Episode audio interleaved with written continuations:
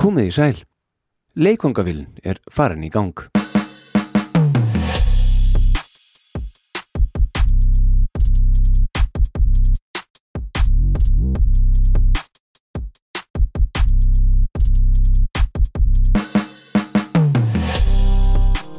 Söngkonur, hvenn rattir. Það er það sem að Jón Agnar kom með í púkið af þessu sinni. Þetta er nefnilega Jónsmessa nr. 10. Þær eru nú æðimargar söngkonunar sem við tökum fyrir í dag. Allar eiga þær það sameilegt að hafa hreift við okkur á einhverjum tíma í okkar lífi. Við erum því ekki að tala um upptalningu á bestu söngkonum heims heldur meira svona þeim svölustu. Segjum það. Í þessum þætti þá förum við jónagnar um víðan völlin og við erum eiginlega út og suður allan tíman. Það voru reyndar ansi margar söngkonur eftir á listanum hjá okkur þegar tíminn rann út. En ég held að við hefum náðu að koma skilabóðunum nokkuð vel til skila. Og allt er þetta í bóði Böttvæsir Bútvar sem er tjekkneskur og áfengislaus lagar. Ef þú vilt. Góða skemmtun.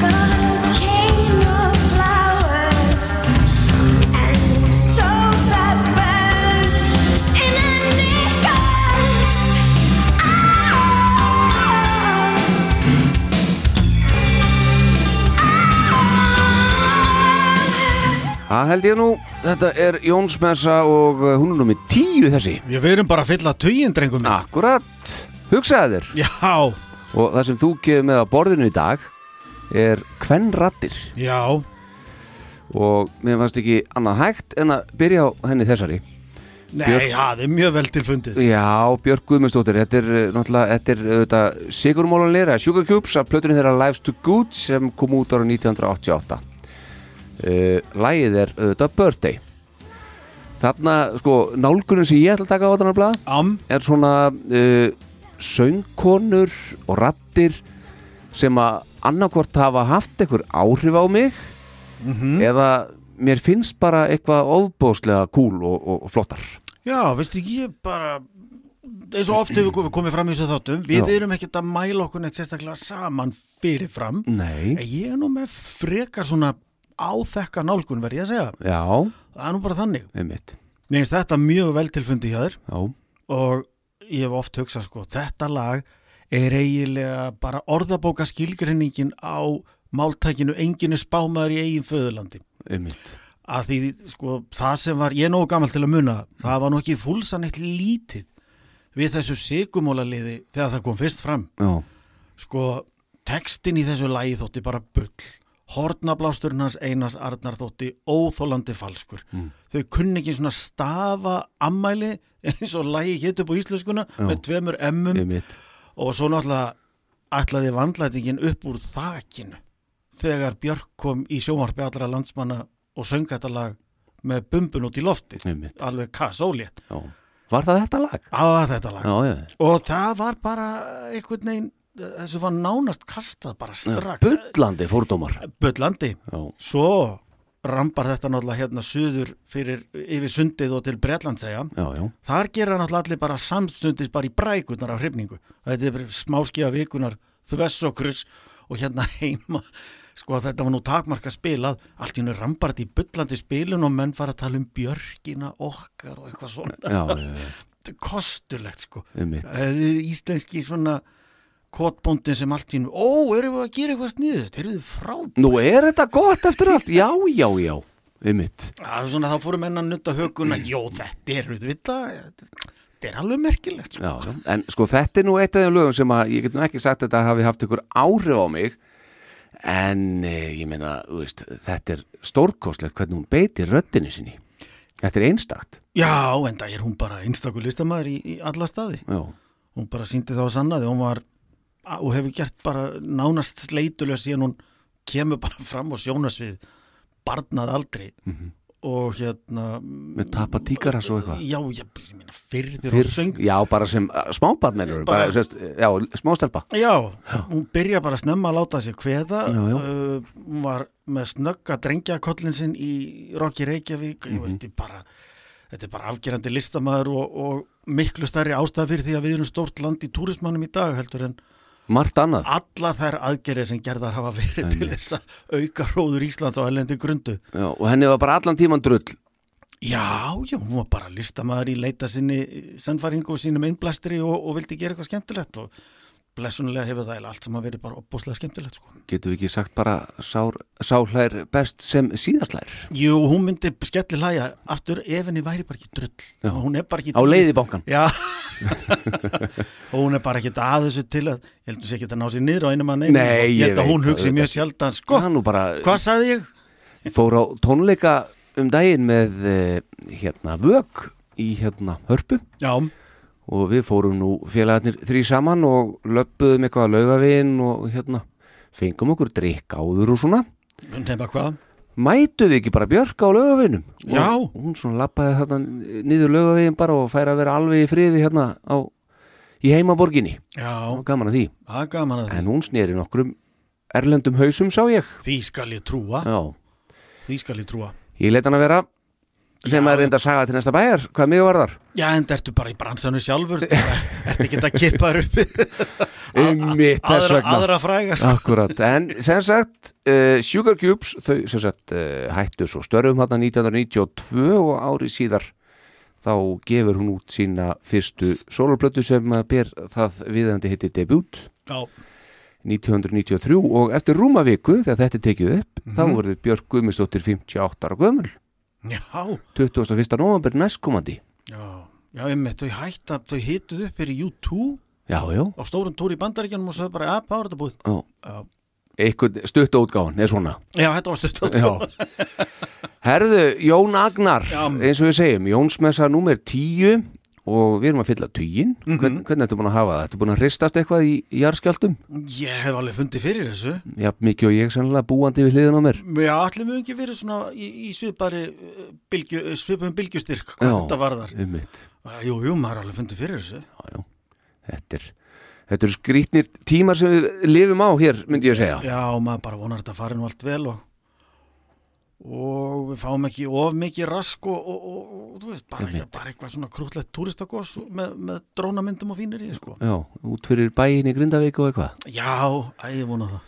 Við skulum sjá, það getur vel verið svo löngu byrja að gjósa þegar að þú hlustandi góður ert að hlusta á þetta, við vitum ekki, þannig hættum að tala um þetta. Já, hér og nú. snúum okkur á tónlistinni. Já, Herðu, þegar að þú varst að, að svona uh, mata mig á því sem að þú ert með hér í dag mm uh, rétt fyrir upptökur hér þá svona sagði ég við þig að ég væri nú kannski aðeins meira mainstream heldur en þú ég, ég svona ímynda mér að þetta væri plata sem við verðum að gefa út núna þá er ég með A-hliðina og þú ert með B-hliðina svolítið og ekki það að sé verra það er bara svona, þetta er kannski margt að það sem ég þekkti ekki einu sinni Nei, og þá er bara, þú veist, það er ágætt. Við, við höldum þessu svona dálítið á beinubrautinni með, með efninu þínu svo fólk fær nú ekki að klóra sér ómikið í hausnum. Já, Þetta er svona bara, við skulum hafa þetta svolítið góðan koktel.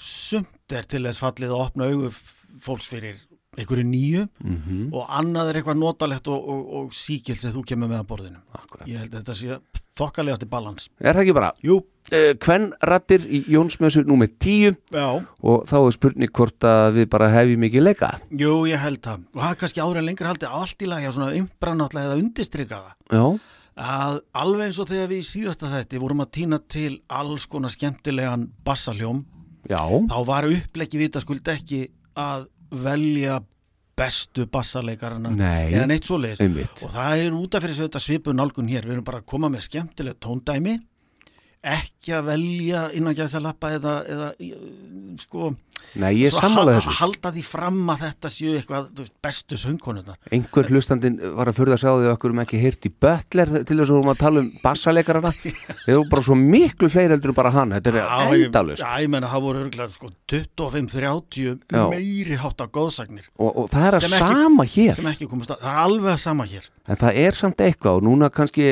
kann ég að hljóma og algjör durgur kall rembu durgur, nei ég veit það ekki. En það er eitthvað við það að sko uh, það er til endalösta ótrúlega flottum söngkonum bæði hérna heima og Þú veist, við erum að tala um sko, þarna eru út- komin út í Celine Dion, Whitney Houston og fullt. Þetta er bara ótæmandi. Já, ég er ekki að taka það í dag. Þetta er ekki þannig, ég, ég er að taka meira bara svona rödd sem að einhvern veginn uh, bara virkað á þig, hafði, hafði áhrif á þig. Og mér finnst alveg ó- óbilandi töff og cool. Er bara, þetta er nánast það sem ég er að gera sama. Þannig, þannig að við, við svona upphas reyturinn á lútóborðinu er svo sami hjá okkur. Já, En svo förum við daldið, þú veist, annar réttsælis og hinn rángsælis já, pínu þannig. Pínu þannig. Og, sko, við náttúrulega röðum þessu upp þegar við stiltum hérna upp uh, sísoni 2 af Jónsmessu. Mhm. og ég sá það nú ekki fyrir en núna þegar við erum komnir hérna með tíunda þáttin á, á grillið Mhm. þá kemur upp úr dúrnum að hann í rauninni er skemmtilega tímasettur sem kannski pínum mótvægi við síðasta þátt að því það spilaðist nú þannig að bassa þátturinn okkar að hann var nú hvernig getur orðað, það var svona nett hrútalikt á hann já. var karlægur Mhm. við virsilega dáðumst að hæfni Juliu Hofer Já, já, og þar fram með göttunum Mhm. en þeir voru nú í talsvert afgerandi meiri hluta Karlkins bassalegarnir já, við breytum ekki sögunni Nei, er en þá þannig. er bara ansi svona, svona smellur það vel mm að nú tökum við bara dömurnar Já. og gefum þeim bara sviðið skuldlust. Akkurat Og þá er kannski gott að þú bara einfallega byrjir Jón Já, þakkaði fyrir vinnur. Ég ætla að byrja á hljómsveit og söngkonu sem bera nafnið Goldfrapp. Hljómsveitin Goldfrapp, söngkonan Alison Goldfrapp. Alison Goldfrapp uh, vakti fyrst á sér aðtikli með mjög sérstæða og flotta rödd, held ég að sé nú almennt álitið, uh, í nýjunni sem svona gestasöngkona hjá málsmetandi, einhvað að segja, listamönnum allavega í fyrir hluta nýjunar. Mm. Hún syngur til að mynda í læginu Pumpkin með trikki af hans fyrstu blötu, mestarverkinu Maxine Quay. Hún syngur rött í læginu Sad But True, ekki með Metallica, Nei, heldur með rafduettinum Orbital á þeirri frábæri plötu uh, Snivelization frá 94. Svo kynnist hún svona stúdíóskástrík tónleika gúru sem heiti Will Gregory. Hann hafði verið að, að túrast og stúsast með eh, nöfnum á borðið Peter Gabriel, hann hafði verið með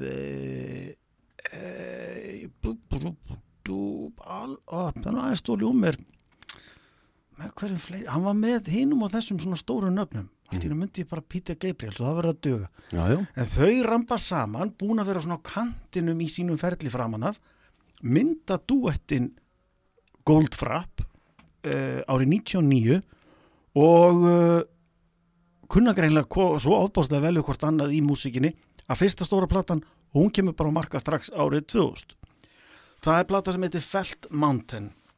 Og það er hvað nú svolítið við nýjan tón því að platan hún inniheldur uh, muni ég rétt nýju lög sem eru eiginlega svona daldi alls konar. Þetta er einhverju myndu kalla þetta fjölbreytt úrval af lögum, aðrir jafnvel sko sundulöst að því stílinn er daldi alls konar og einhver popfræðingurinn í Englandi, þeir þurfa alltaf að finna eitthvað merkimið og allt mögulegt kalla þetta folktronika sagt, sa- bræðingur folk, music og elektronika eitthvað skonar þjóðlaga raftónlist eitthvað, eitthvað í þáveruna. Það breyti því ekki að þarna var meðal annars að finna lagið Utopia. Og þar er eh, má glögt heyra hvurslags rattsvið Alison Goldfrapp ég allavega var með, ég held hún hafa nú viðkenda í viðtali nýlega hún tæki þetta lag ekki lengur á tónleikum því það bara reynir, reynir þannig á. En sko rattsvið hennar er þannig að hún getur bæði farið upp á mjög háa tóna og aftur ég þarf kannski að setja þetta í þáttíða einhverju leiti en hún getur líka sungið mjög svona seiðandi eins og hún sé nánast að syngja gegnum síkó og búin að fá sér fá hennar sterka drikki hún svona nánast bara umlart aldrei svona tælandi eins og er sé sama en hún veit að þú ert á valdi hennar sko. Ég er með nokkra svona rattir mitt líka í dag, sko. Akkurat svona. En Alison Goldfrapp er með svakalega rödd og hljómsveitin Goldfrapp er alveg geggjuð þegar hún er í stuðinu sem er oftast sem betur fyrr og þetta lag er svona kannski býst nokkuð á tóndæmi um þessa frábæri söngrödd og þetta er lagi sem ég heyrði fyrst með þeim og bara kolfjall fyrir. Fekk mig til að kaupa diskin eins og maður gerði í þá daga. It's strange day. No colors or shapes. No sound in my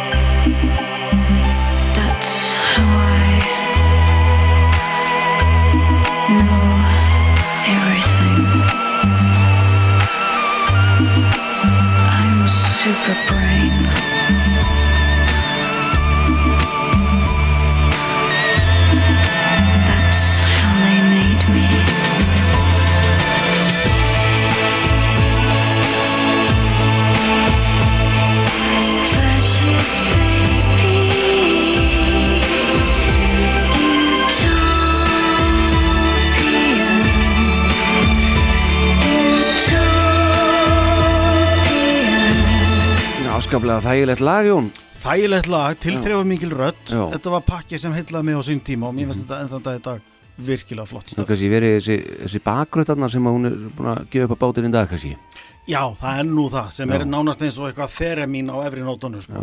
En að því hún er að syngja honi þetta og kannski kemst hún upp með að hafa playbacki sko Ég býstu hún gerir það en hún Já. bara steg fram fyrir skjöldu í einhverju viðtal og sagði bara nei, ég syng ekki Utopia lengur á tónleiku nei, akkurat Já, já, þetta er svona, ég veit nú fleiri bönd sem að uh, innihalda söngvara sem geta á alla sungi lengur í dag. Nefnum Þetta ekki fylgir, nei, nefnum ekki nöfn. Þetta bara fylgir þessu. Þetta bara fylgir svo því allt fram streymir. Já, akkurat. Já, já, Herði, við höldum áfram. Gerum það. Og uh, það sem við viljum að gera næst er að uh, heyra í 37 ára gamalli söngkonu, hún er 37 ára gömul uh, as we speak hún er fætt 28. ágúst 1986 þetta er sem sagt sami amalistægur og móði mín. Já, og það er svo gaman líka að segja frá því að bara fatta það núna að 1986 var móði mín með 37 ára gömul. Hugsaði maður Illuminati maður. Lífið maður. Já. Herðu, uh, þessi ágæta uh, kona heitir Florence Leontine Marie Welch. Já, og, og hún er frá London og uh, hún uh, skipar hljónsveitina á samt fleirum auðvitað Florence and the Machine. Heldur betur. Og þetta nafn Florence and the Machine kemur frá því að tvær stúlkur, hún og önnur stopnuðu þetta band saman árið 2007 hún og vinkona hennar sem er 6 árum eldri Isabella Summers ávalt kölluð Isabella Machine. Já, ok, þetta er nú ekki annars jafn cool nafn og Florence Dadra Dadra Dadra Welch Nei, já, Leontine Marie Welch akkurat. en þetta band, Florence and the Machine er ennþá uh, að í dag. Og þær eru báðar ennþá meðlimir í því. En aðrir hafa komið og farið fyrir utan einhvern einn að ég held á þessum 16 árum. Og fyrsta plata þeirra uh, kom út árið 2009 og það var platan Lungs. Og síðan þá hafa þau gefið út einhverjar fjórar til viðbótar og svo síðasta var Dance Fever árið 2022 en þessi plata Lungs sló uh, rækilega gegn uh, þegar hún kom út. Og á henni mátti finna eitt stykki coverlag sem hefði nú átt eiga heima í cover þættinum okkar. Jón. Já, já, enda bara svo ég skjóti nú inn. Er ekki útiloka við hendum í annars líka Nei, heldur betur ekki. En á nægu að taka það. Já, aldeilis og þá kannski reynda verðum að sleppa þessu við getum ekki alltaf átt sömlaugin Ætli það uh, en sem sagt uh, þetta lag You Got The Love það er eftir enska höfundahópin uh, The Source. Mm uh, en þetta lag kom upprunnulega út árið 1986 og þá söng hinn bandariska Candy Staton þetta lag. Og þau gáðu það svo aftur út 91 og enn og aftur 97 og lagið náði í öll þessi skipti hátt á vinsældalistum allstaðar í heiminum. Já, og ekki síst svona út af öllum klúbónum þetta, Nei, þetta er náttúrulega klúpa anthem bara sko. Þetta er pínu þannig Þetta er nefnilega. bara ekkert annað það og, Og þær stelpur- Sjaldan er góð vísa ofoft kveðin sko. það það er svolítið mikið þannig sko. Og það er stelpur væntalega, væntalega hafi bara stundaklúparna og heyrt þetta þegar þær eru að stopna Florence and the Machine. Og herðu við tökum þetta og hún gerir náttúrulega alveg stórkostlega. Þessi röddina Florence er fáránlega flott. Hún er rosaleg. Gerir eitthvað fyrir þetta lag. Ég ætla aðeins að lega okkur að heyra eftir þegar við erum búin að heyra tóndæma þessu. Mm -hmm. upprunalega dæmið. Ok, með, með Candy Staton áhugavert. Og það er eh, þau, er, þau, sko, eru ekki búin að breyta læginu neitt mikið en það er samt eitthvað við röddin hennar Flórens sem að gerir þetta setur ykkur, ykkur, ykkur kjött á beinin Já, það er bara allt við röttin hennar. Já. Hún er rosaleg. Og þessari söngkonu kynnti sér í kemnum eiginkonu mína og ég, svo sem uh, þetta er ekkert eitthvað sem ég leita eftir eða, eða uh, þetta varð ekki á minni götu en ég, sem sagt, kynntist þessu í gegnum hana og síðan þá hefur mér fundist þetta ofbáslega vanda og, og flott þegar hún er að spila þetta fyrir mig. En þegar að þau gáf út uh, þessa cover útgáfu þá náttúrulega setti það allt á fullt enn og aftur, þetta lag er bara með eitthvað X-faktor. Og þessi útgáfa þeirra fóruðu þetta á toppin viðsvegar um heiminn Skulum heyra hérna þessi Florence and the Machine You Got the Love Sometimes I feel like throw my hands up in the air. I know I can count on you. Sometimes I feel like saying, Lord, I just don't care. But you've got the love I need to see me through. Sometimes it seems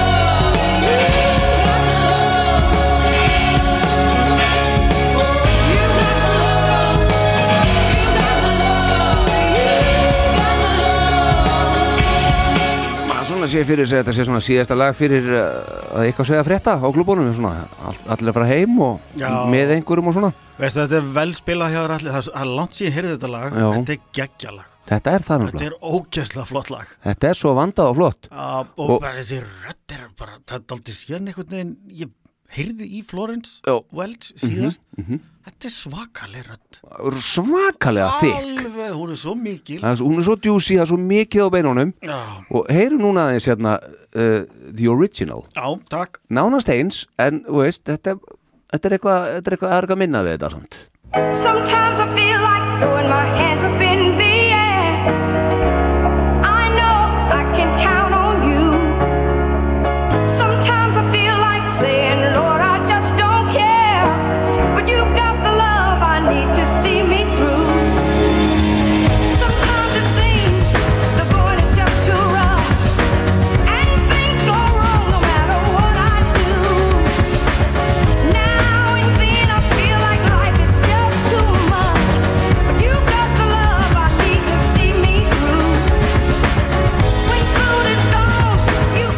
Ekkert að þessu heldur Það er ekkert að þessu og bara, Frábær rödd. ég man ekki hversu oft, maður held bara, já, já, þá nú stöðið á þessu balli farið. Já, dregur ekki DJ-in þetta úr erminni og skellur þess á og allir fá fýðringi fætur Ertu þá að meina áður en að Flórens gefur þetta út? Já, já, já, já, já, já, já, já, bara way back when sko, bara bæði skólaböllum og bara þegar maður var út á lífinu í borg Út á galiðinni út á galiðinni Já, sko. Þannig þetta lag er bara dæmt til þess að verða þegar þetta kemur út. Það er bara þannig. Það er, sko, þetta er, þetta er ekki neitt brjálaðslega flókin lagasmíð en hún er svo hagalega sett saman og pródúseruð.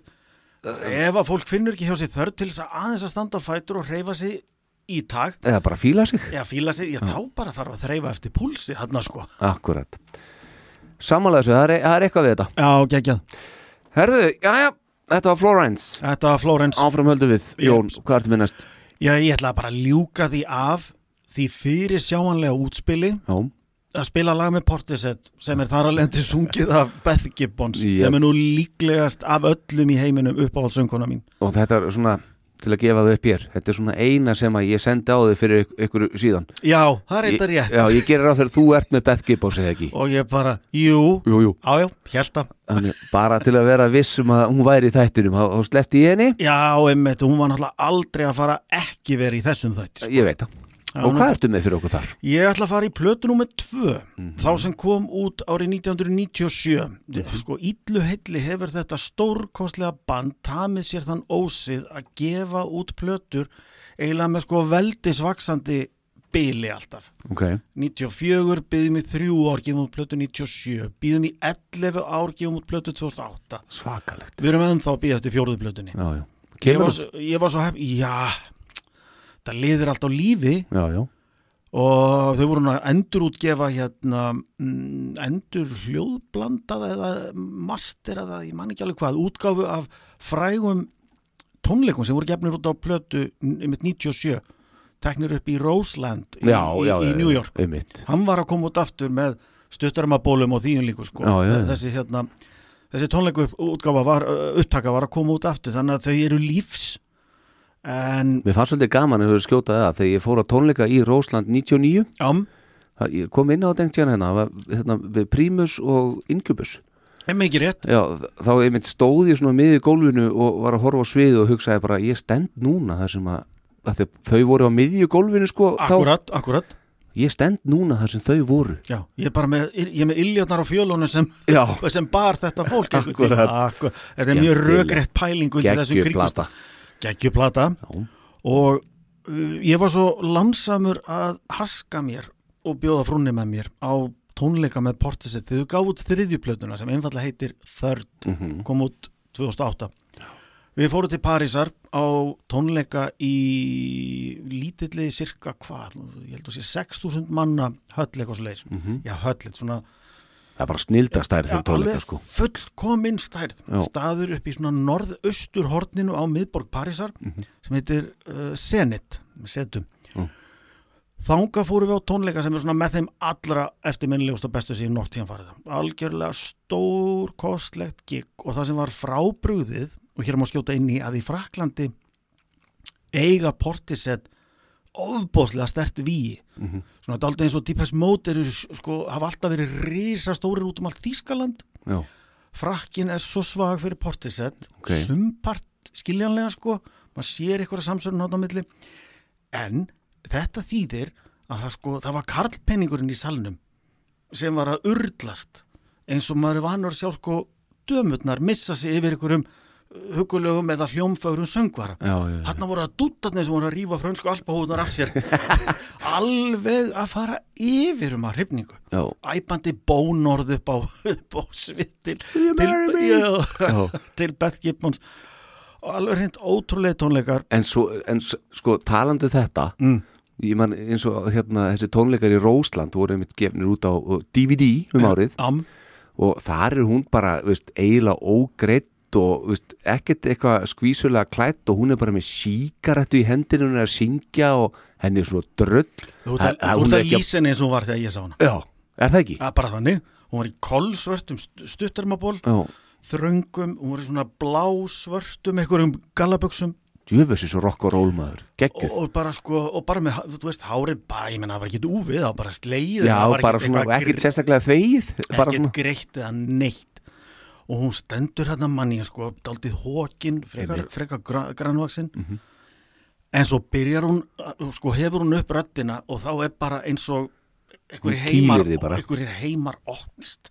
Eins og tvær stjörnur ekki saman Mhm. og þú stendur bara í stjörnurregninu það, það er bara það bókstælega styrnir af henni. Mhm.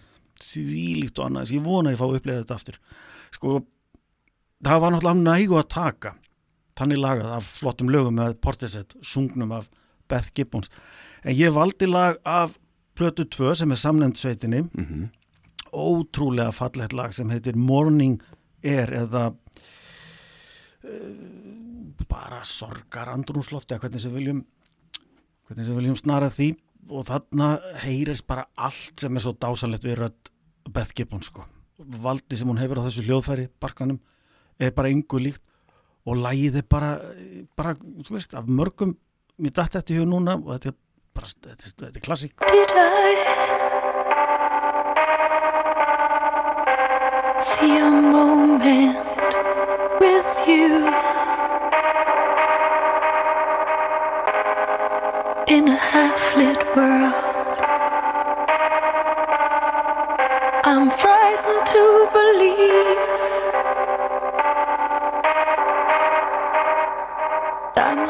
must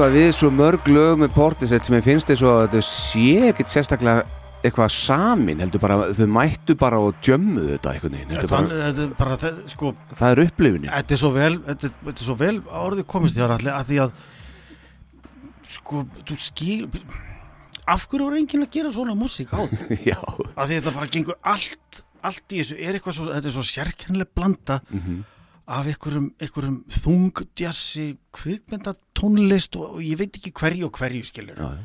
og svo er bara röddin í henni þegar hún lætur henni aðeins lifa þetta er svona hún titrar eitthvað, rattböndi þau titra eitthvað þetta er eins og í plötunni góðu hérna Já. sem er tekin upp uh, í Rósland mm -hmm.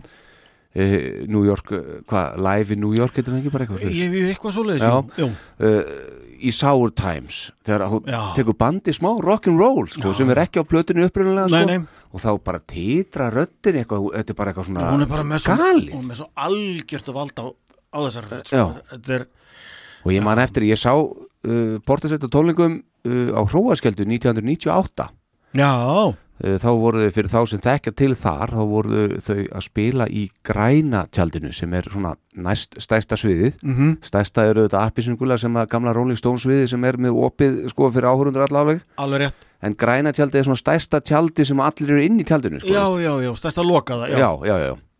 Og næst stærsta sviðið á hátíðinni og við fórum þarna 98 og auðvitað, þessi Róslandplata kemur út 97 ári fyrir þannig að við vorum alveg búin að húkta henni félagarnir og, og, og ég plantaði mér fyrir framann sem sagt, að sátt allir. Það er svo gaman að því. Já, það var sitjandi gig. Já, sko, bara, það var ekkert gengi út frá því. Þetta var, var bara, reyndar stóð fólku upp eða leiði eitthvað á, en allir til að byrja með þá sátu bara allir á jörðinni Já, bara- já, ekki á sætum bara nei, nei, nei, nei, bara settust bara niður. Já, ok. Bara, herru, þetta er bara í, þetta var sundarskvöldi Já. á Róaskjöldu, þetta var bara, bara svona easy, þetta er bara portisett. Og ég settist upp við eitthvað bassabók sem var upp við hennar súluna sem held upp í tjaldinu. Rætt með jazzsíkaretu, ég við ekki það. Og ég hugsaði bara nú er ég að fara að hlusta á portisett. Ah. og þetta var algjörlega, þetta var æðiskengin stund. Þetta ljóma bara svo dálítið gott moment. Þetta var Já, herðu og við höldum áfram. Takk kærlega fyrir að koma Beth Gibbons að. Já, mín var sko öll ánægjan. Og þá ætla ég að koma með eina hérna að sem að ég gjössanlega hún drepur mig hvað hún mikil töffar í þessu lagi. Ok. Þessi frábara Þessi frábæra. Og merka söngkona. Heitir Tanita Tíkaram Já, við erum þar Já, og hún fættist í vestur Þýskalandi, takt eftir. Þann 12. ágúst 1969 ger hana 54 ára gamla.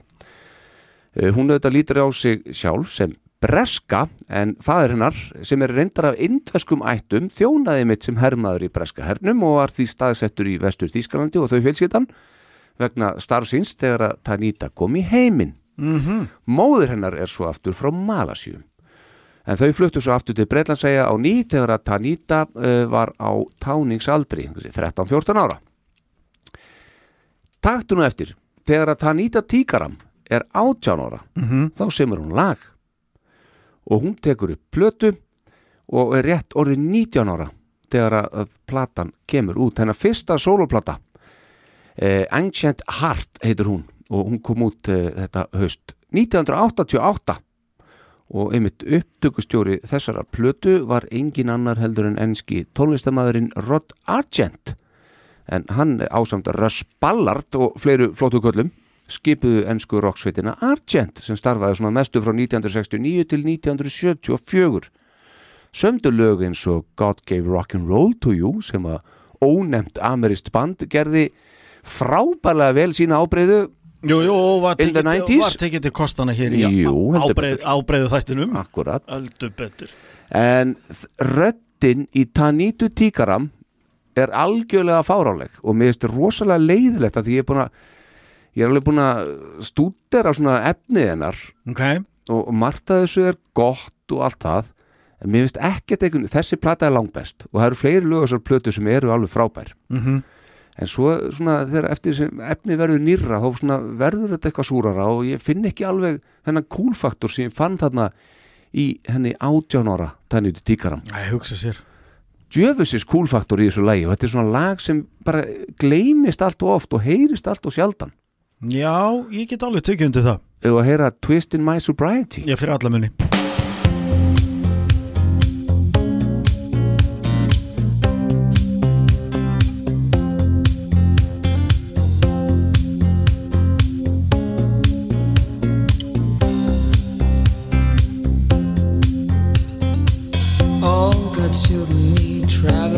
shoes.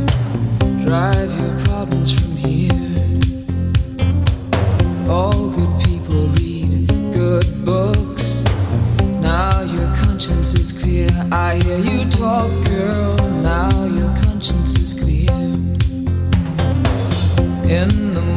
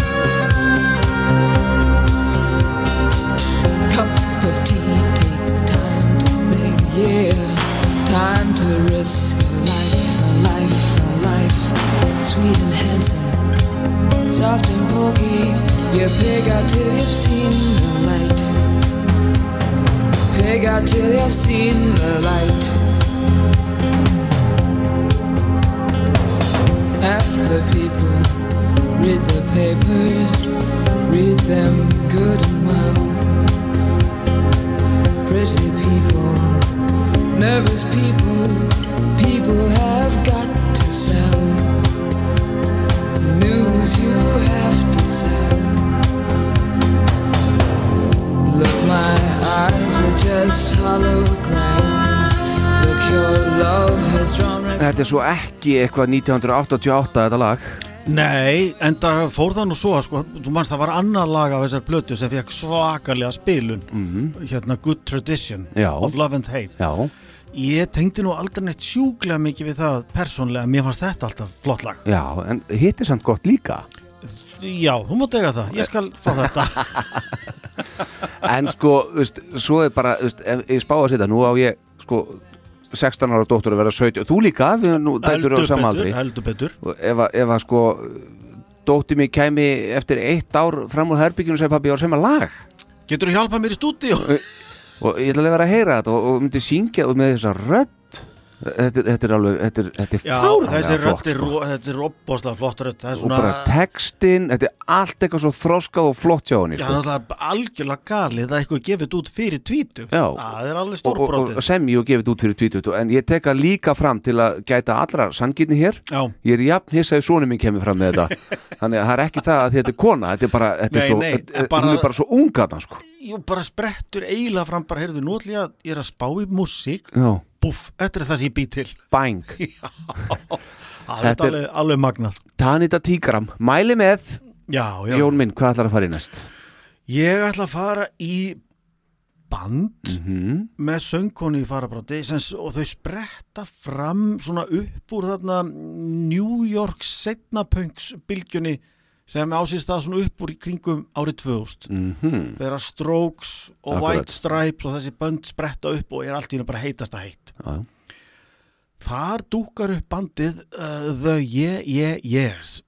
Ok. Með söngkonuna Karen O eins og hún kalla sig eða Karen Orsoleg eins og hún heiti fullunafni hún á sem sé uh, pappa frá Suðu Kóru mömmu frá Pólandi Mhm, ég held ég sé ekki að víksla þessu ok, ég ætti kannski að hafa aða fyrir neða mig og segja að hún annað fóreldri frá Kóru og hitt frá Pólandi vel orðað. Karin Orsoleg er, eða Karin Ó er ofbóðslegu töffari og frábær sönguna ógeðslega flott sönguna og sprettur einhvern veginn upp á hárréttum tíma. Hún bara smellu með sinn stíl inn í tíðarandan og bandið, tríóið hérna The Yeah Yeah Yes sem hún skipar ásamt uh, Brian Chase, trommuleikara og Nick Zinner hljómbóðsleikara mm þá spyrir maður sér fyrir ekki er þetta eitthvað sem er að dúkka upp í, í pöngbylgjunni -hmm. hvað er gítarinn og hvað er bassin hvað átt að þýða? En bara bandið með svo flott sound. Og hún hefur svona löngum verið með klippingu daldið eins og, eins og Joey Ramone. Daldið, sáfílingu sko. Ok. Og er bara geggjuð ég hef ekki séð tónleika, ég tek það fram með bandinu en hún er geggjuð svona sviðstýpa með salin í lófanum. Ok, og lögi með bandinu eru melodísk og þau eru hæfilega pönguð en þau taka sér ekkert allt og alvarlega. Mhm. svona pínu eins og Julian Casablancas tekur sér ekkert sjúklega alvarlega en er samt djöfusinn stjarnar á sviði sko. eins og við fórum yfir. Eins og við hefur komið fram. Já, en þau hafa gefið út einar fimm plötur nú þegar og svo þriðja kom út árið 2009 og heitir It's Blitz. Mhm. Fulla fínni músík og ég bara ákvaða að grípa eitt eitt, hérna, eitt af betri lögunum að þeirri plötu sem er svona, veist, eins og flest sem, flest sem við erum að týna til einni kvöld. Mhm. Lýsandi dæmi um flotta kvennsöngur sem maður getur hlusta á aftur og aftur. Lag sem heitir Hysteric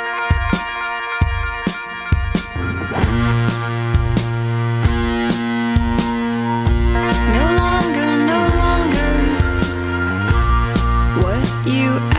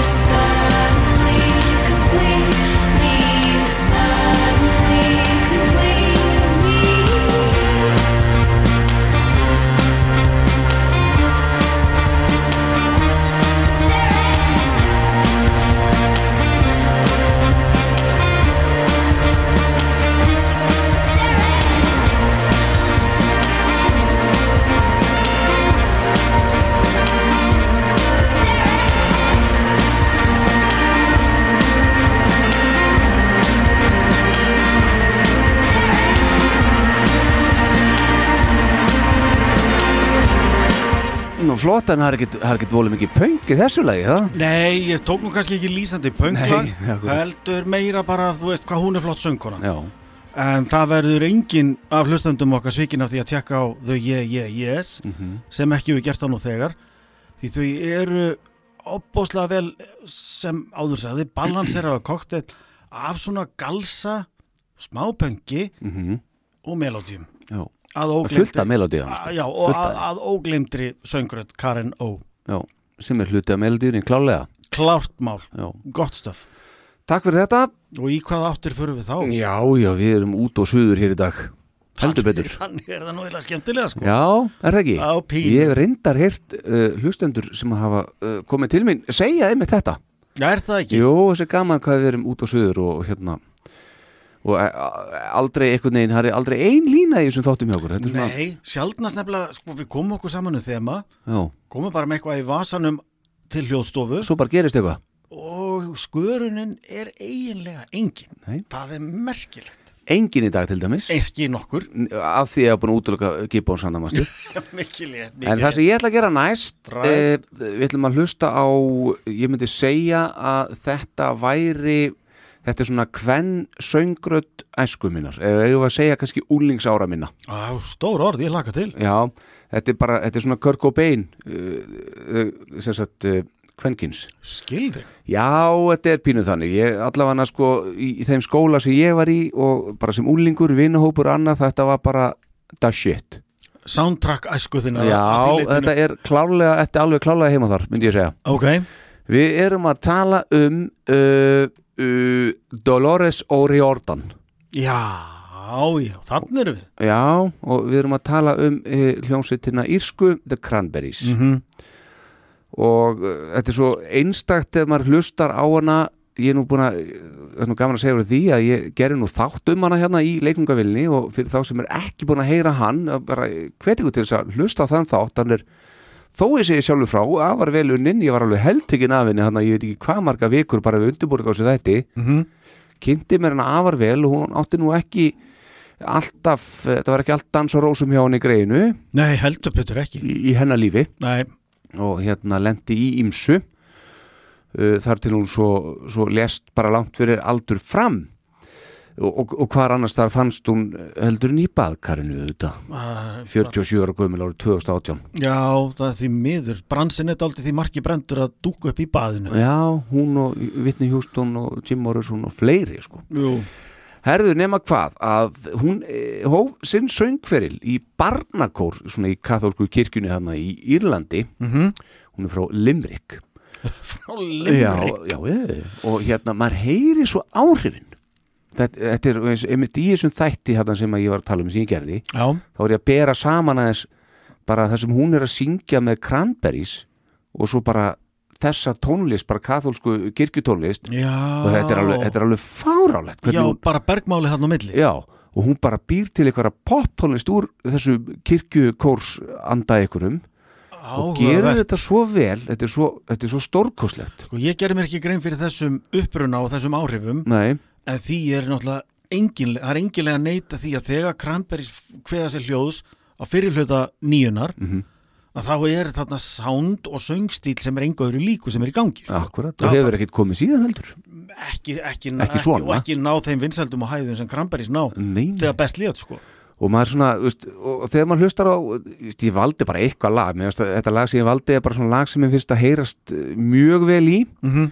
Ekkert endilega besta lagið þeirra það er bara, hún er svo stórkostleg í þessu lagi. Maður heyrir áhrifin sem ég var að tala um og svona, og maður getur sett þetta upp þannig að svona sama hátt og útlendingar segjast heyra í íslenskri náttúru þegar hlusta á Sigurús þetta er svona, þetta er eitthvað þar.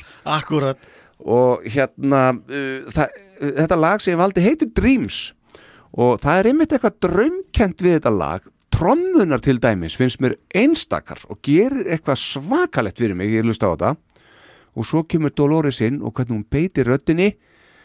Ég bara, veist, fer í og úr falsettu eins og ekkert sé. Þa, það er eitthvað þarna sem að gjörsanlega bara ég kemst ekki yfir. Hennar er alveg klárlega sárt saknaða því að hún er, var stórkostlegu listamæður Oh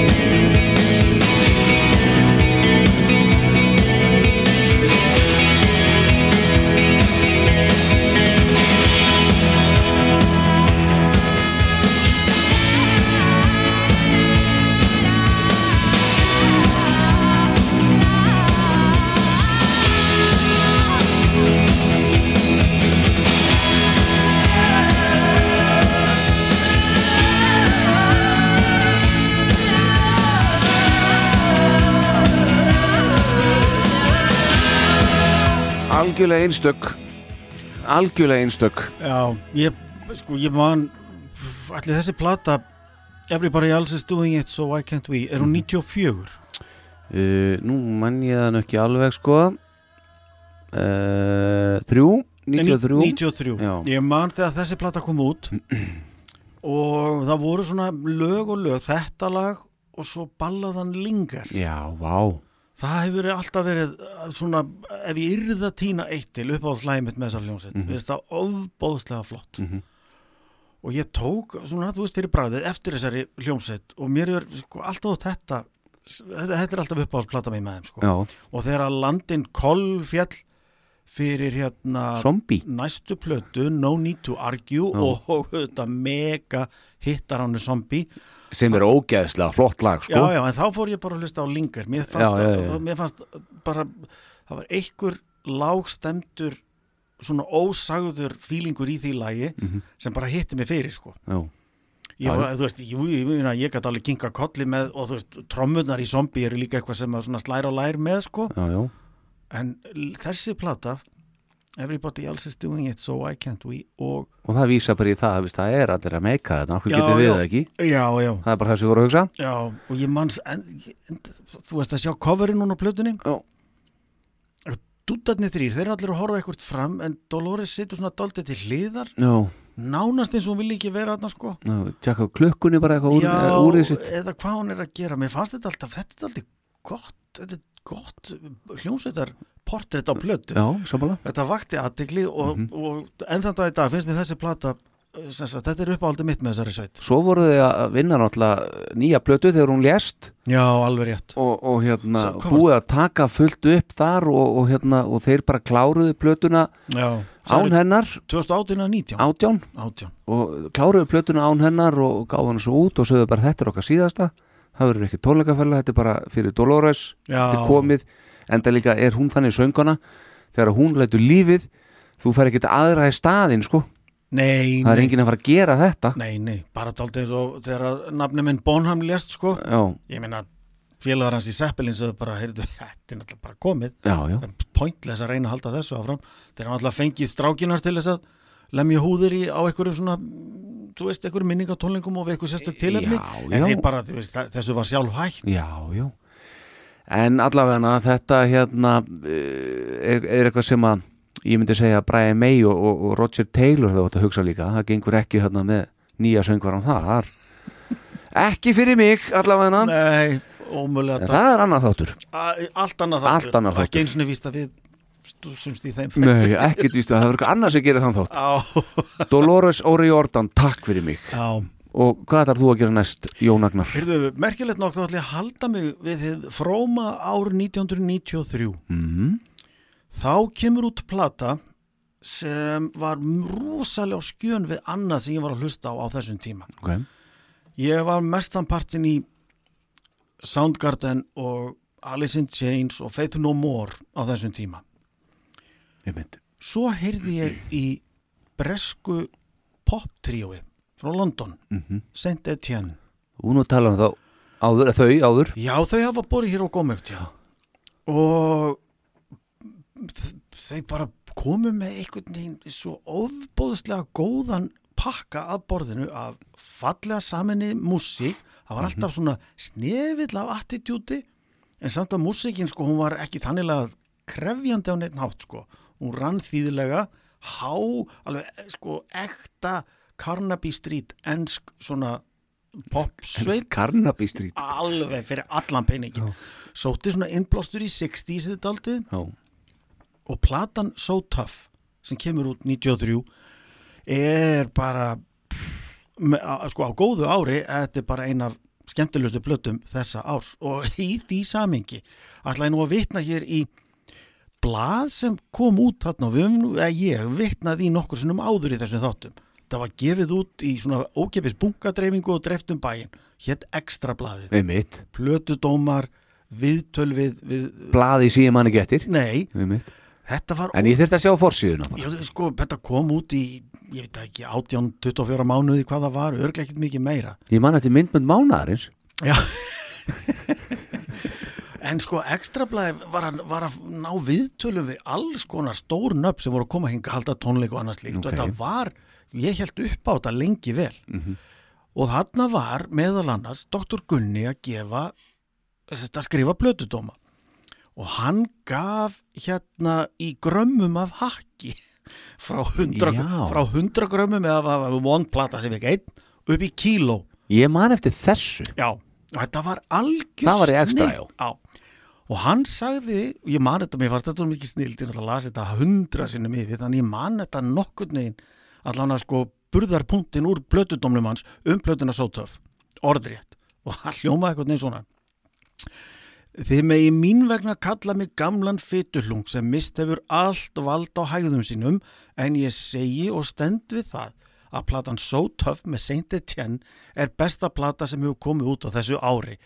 Og mönnu þótti þetta nú dálítið svona spes vegna þess að Dr. Gunni hefur alltaf verið mjög utarlega á jæðrinum með svona músík sem að spilar ég menna hann gaf út með hvað bless líklega hjá finska öfgafyrirtækinu Bad Vukum Já. þessi gaur er ekki meginströmmnum þótt hann dyrki abba á bítlan og svona. Svo afgreðan þið og sækjur um vegabrif já, gerir það með stæl. Já, já, já. ég hef alveg fengið þjónustu í Já, honum ég í borgatúnu, hann, hann stendur sína vaktar með miklum sóma. Já, já, en ég sem sé keifti þessa plötu og ég bara kolfjall þannig að milli þess sem ég hlustaði á Mike Patton orga einhverja ógn og skelvingu eða hlusta á Chris Cornell sko syngja eins og vélsög að fara í gegnum riðga játnið eitthvað sko þá setti ég þessa plötu á. Hún er sneisa full af nánast fullkomnum poppi. Það er ekki snöggan bletta á þessari plötu að finna og hún er kryddu til að svona geirnegla London feelingin af stuttum klippum úr gamlum bíómyndum og sjónvastáttum svona inn á milli. Þetta er bara eitthvað skonar bara ferðalag til London eh, 60-70 eitthvað svoleiðis stórkostlega góð plata. Við ætla að spila fimmuna af þessari blödu lag sem heitir Avenue og er ein af líklega fjórum frekar en þreimur smáskjum sem voru gefnar út. Stórkostlega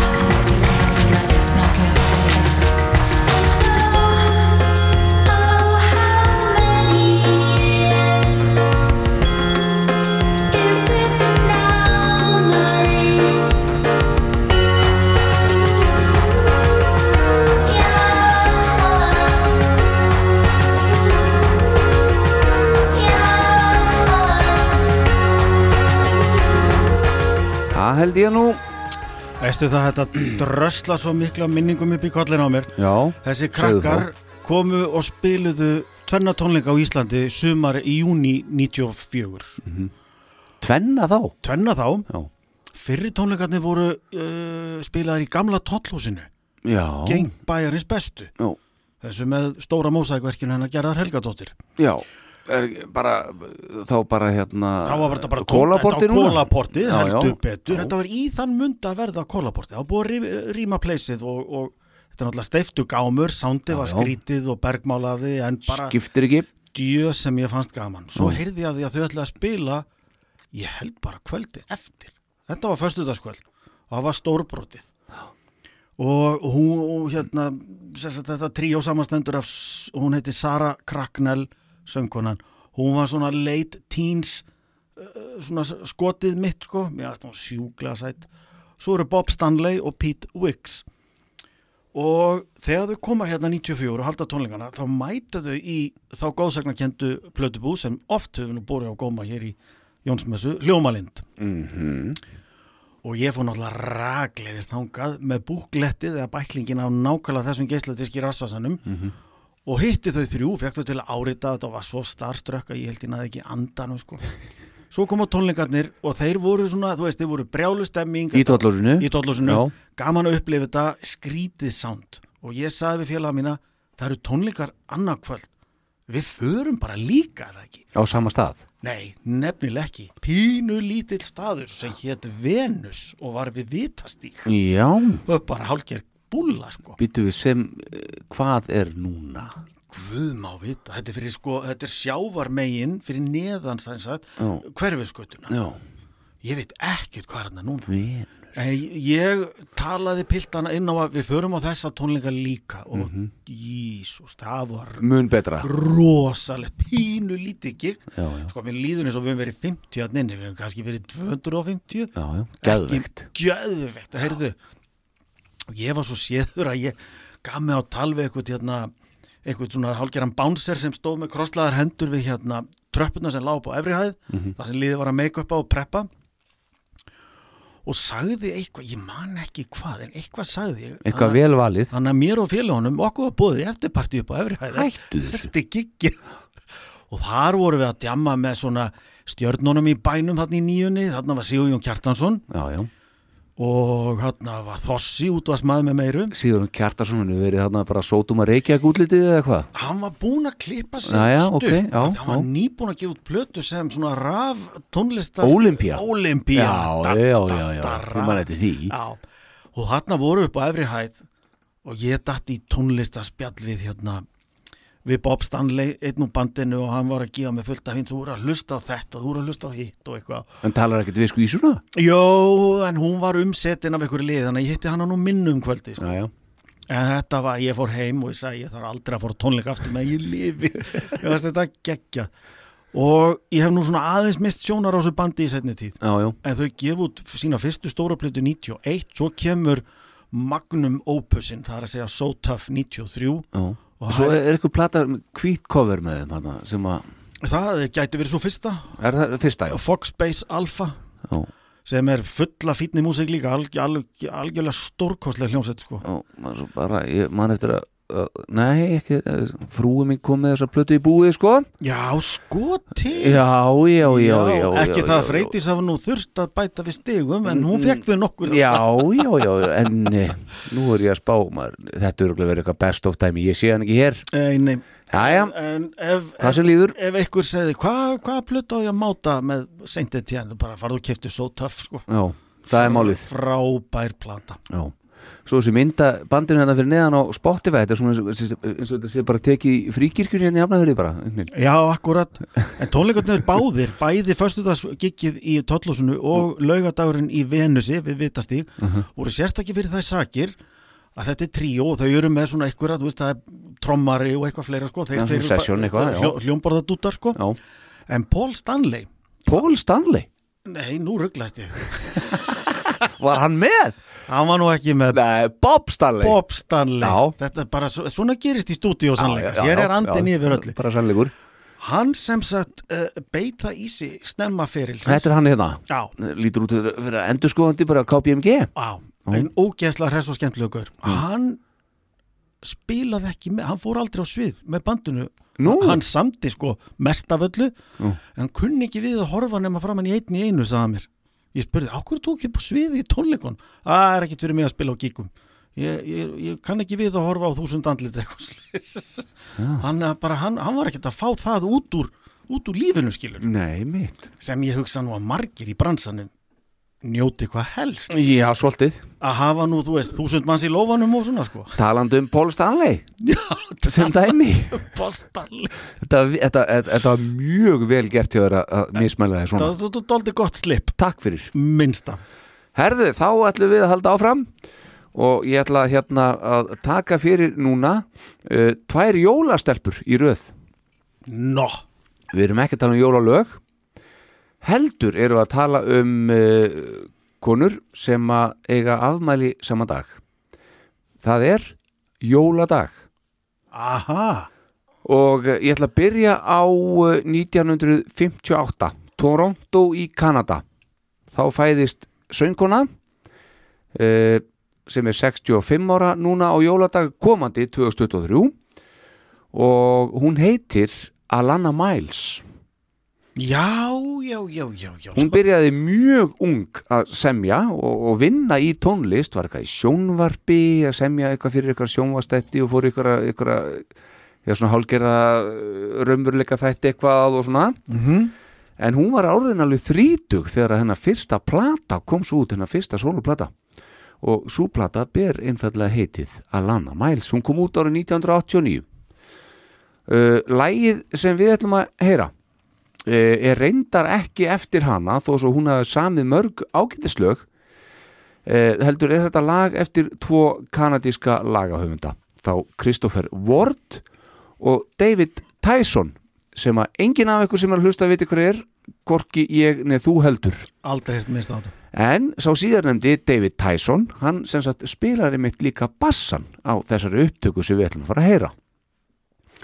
En almáttugur góður guð hvað hún uh, Alana Miles gerir mikið fyrir þetta lag og hvað hún gerir það ógæðslega töff Hún lagði gjössalega heiminn að fótum sér eh, með þessu lagi þegar það kom út og, og þetta lag var tilnæmt til fjöldaverlauna og hlaut þau einhver. Sem dæmi þá reyndar svo hlaut hún Grammy velun sem besti kvenkins rock söngvarinn besta kvenkins rock röddinn reyndar ekki uh, fyrir 1991 einhverjum uh, hvað, tveimur árum eftir þessi plata kemur út. Þetta lag er auðvitað algjörlega eitur svalt. Það toppaði vinsættalistana víða um heim. Uh, hún hefur gefið út síðan einhverjar fimm plötur og hafa þær flestar fengið alveg einhverja aðtigli og svona sér í læginu þarna í heimalandinu í Kanada. En ekkert á við það sem þetta lag gerði fyrir hana. Fyrir þessum rúmu hvað, þremur áratugum síðan. Heyrum í Alana Miles og Black Velvet, þetta er svo eiturkúl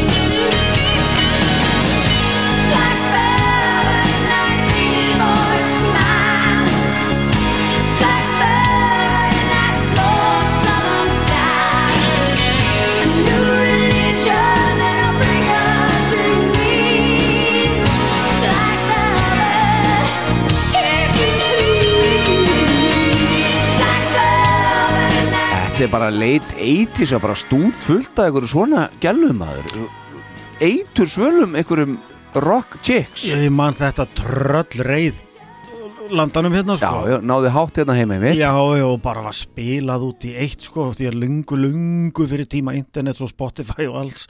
Já. og maður hlustaði bara aldrei á útvarpið. Mm ég man, ég held, mér finnst endalega svo þetta hafi samt ekki skilað sér fyrir voru 90 eða eitthvað svo Já, það geti alveg verið sko. Já, hún, er að fá, hún er að fá var- grammivelur 91 sem sko besta söngkona sko í rocki þannig að, þannig að það er öruglega verið eitthvað senkun á þessu svona eitthvað út fyrir Kanada sko. út fyrir kanadíska landsteina sko. Já, en ég menna þetta, þetta var bara holskefla yfir, yfir landan sko á þessum tíma. Og svo bara einhvern veginn ekkert. Nei, þannig, sko, nei ég hef ekki heyrt þetta í hundrað ár sko. Þú veist, ég, ég, ég menna ég man þetta lag mjög vel frá því rauntíma Já, já, af því þetta var bara eitt af einkennislögum síns tíma hérna heima. Það var alltaf í spilun. En ég meina heyruru blúsin í þessu einhvern veginn? Og Tyson hann einn af lagahöfundunum náttúrulega bara tekur hennan bassa bara, þetta er svo ógæðuslega flott eða alveg heima í síðasta þetta Já, ég meina þetta hefði ekkit verið, við hefum ekkit verið sviknir af því að tæpla þessum bassa Nei, nei, nei. nei, nei, nei, nei. bara tvenna dag. Já, Herðu, Alana Miles við pökkuminni já, en þökkuminni líka Já. fyrir þetta. Hvað ætlað þú að gera næst, Jón Agnar? ég ætla að kúvenda bara býstna rækilega. Það lýst mér vel á. Ég ætla til að byrja með að færa okkur hinga heim til Íslands. Já, komin tími til. Já, og fara í talsvert frábröðuna músík. Uh, Ekki blues. Nei, en svona undifurðulegt sæmilega drungalegt stundu jafnvel svona surrealist í, í allri nálgun. Þetta er tónlistar og sönguna sem heitir Sólei Stefansdóttir mm kallast verðilega bara Sólei og bóðslega flottu listamæður sem ég sá fyrst þegar ég vann uh, hjá alþjóðlegu kveipindaháttíðin í Reykjavík, RIF. Ég var þar í ein, hvað, þrjú ár og síðast árið sem ég var þar að stúsast í kringum hátíðina 2011 þá uh, emdum við til svona það sem við kallum Cine-koncert eða svona bíótónleika í fríkirkjunni. Mhm. fríkirkjan er þetta algjörlega frábært tónleikastæður Mhm. og þar var nú vel að merkja Skúli Sverrisson sá mikli bassa jöfur sem við fjöllum hérna um síðast svona Já. tengist þetta sko. Já, já. Og Sóley. Ég vissi ekkit um þessa stelpu en hún stegi á svið og galdraði bara eitthvað fram síðan aldrei hirt áður kolfjall. Kefti plötuna á leiðinni út úr kirkjunni og ég og frúum voru bara þetta, hvað var þetta, bara komum ekki upp orðið, okkur fannst þetta magna og uh, fyrsta stóra platan hennar heitir We Sing hún er daldið svona mikið í, í svona, einhvað að segja, djúpið er henni daldið hugleikið. Já, We Sing var fyrsta platan og svo platan nummer tvö sem kom út líklega 2015 heitir Ask the Deep. Já. Og það er algjörlega frábæð plata. Ef að hinn var þú veist sjúklega efnileg mjög eftirtæktaverð virkilega þess virðið að gefa gauð þá er Ask the Deep plata nummer tvö algjörlega frábær. Og hún er þetta bara verið á beinubröðinni síðan. Uh, við hjónin sáum hana síðan aftur á tónleikum í henni frábæru tónleikaru heima í Hafnafyrði Já. hér í fyrðinu fagra. Mhm. þá var hún í heimahúsi líklega á Östurgötu svíki mig ekki minni og spilaði nokkuð lög. Var, og þessi tónlistennar er einstaklega vel til þess fallin að vera spiluð í heimahúsi. Hún á alveg sjúklega vel heima þar. Ef, ef hún gekk upp í fríkirkjunni þá er hún frábær í stofu í hafnafyrðinu Mhm. og uh, ég ætla að velja hérna lag af þessari plötu Ask the Deep sem heitir upp á íslenskuna Ævintýr. En uh, textin er allir á ensku og það er talað um uh, fairy tale.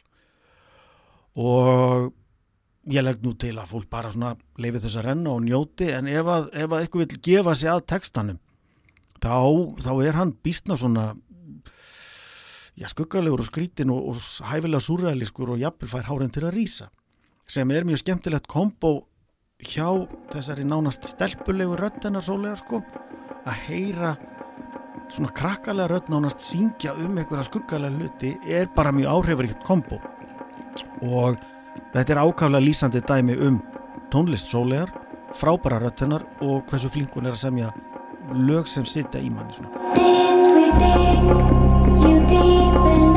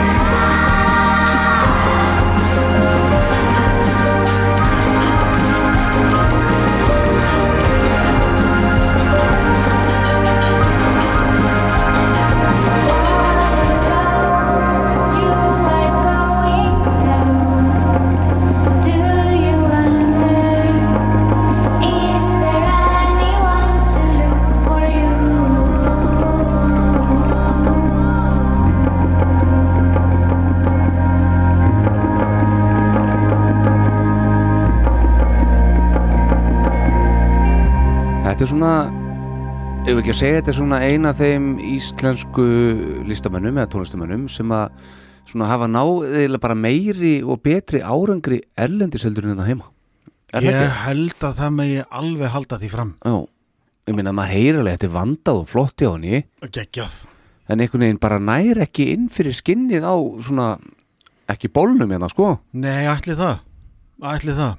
Já, Ég- hún ég- væri ég- stærri já, hérna já, heima ef að Já, já, ég veit, sko, alltaf þegar hún eitthvað, sko, reyfir við einhverju á samfélagsmiðlum, Mhm. þá bara trillast, uh, sko, sægur manns um allar jarðir Já, erlendis. akkurat Það er akkurat þannig og núna bara sko til þess að undistrykka við fyrir út og suður þá ég lofaði tveimur jólastelpum Alveg rétt, hver er hinn?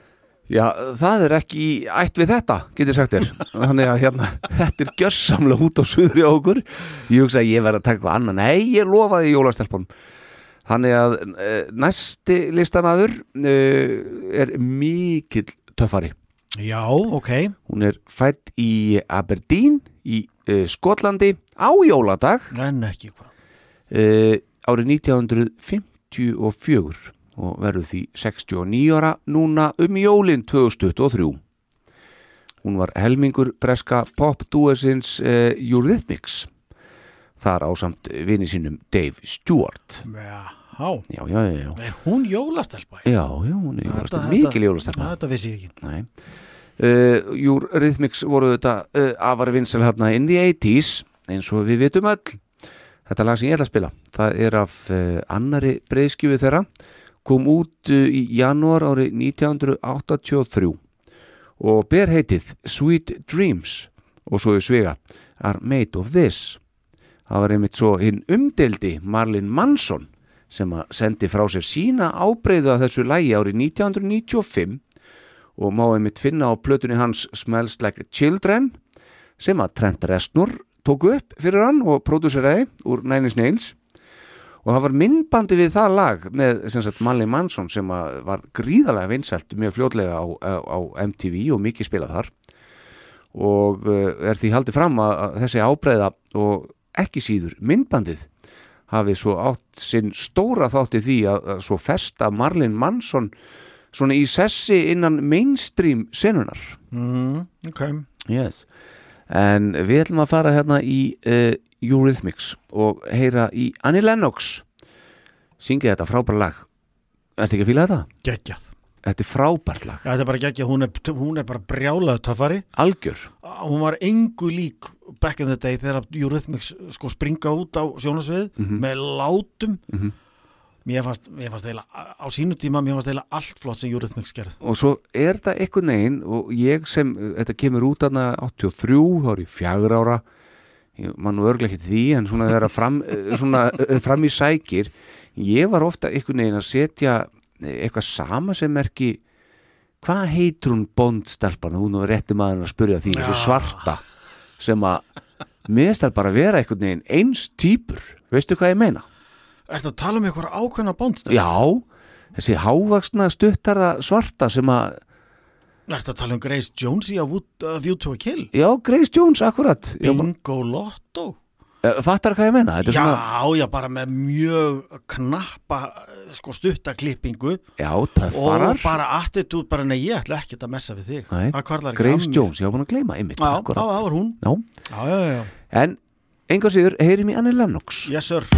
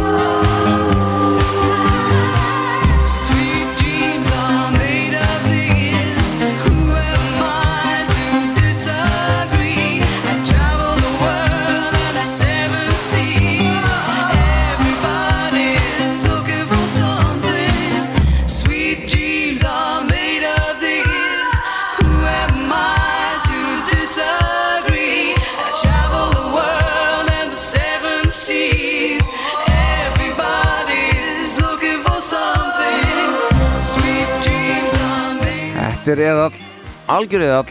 Já, þetta er algjör, ég man bara, ég er, þú veist, fáinum árum eldri þú en ég man í rauntíma eftir þegar Eurythmics koma fram og mér þóttu fyrstu lögin uh, Here Comes the Rain Again. Já, já, og svo smellu sem þau senda frá sér 84, lagið hérna Sex Crime sem hétt innan sviða 1984 það er þá verið þessari plötu ekki? Já, og svo þetta, þetta fannst mér allt sjú, sko eftir því sem uh, andin yfir lögunum var kaldari. Mhm.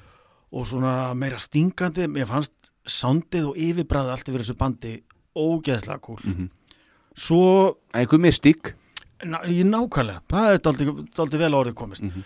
svo verða þau sko virkilega stór þegar þau gefa frá sér lög á borð við There Must Be an Angel mm -hmm. og Thorn in My Side og fleiri og fleiri, fleiri.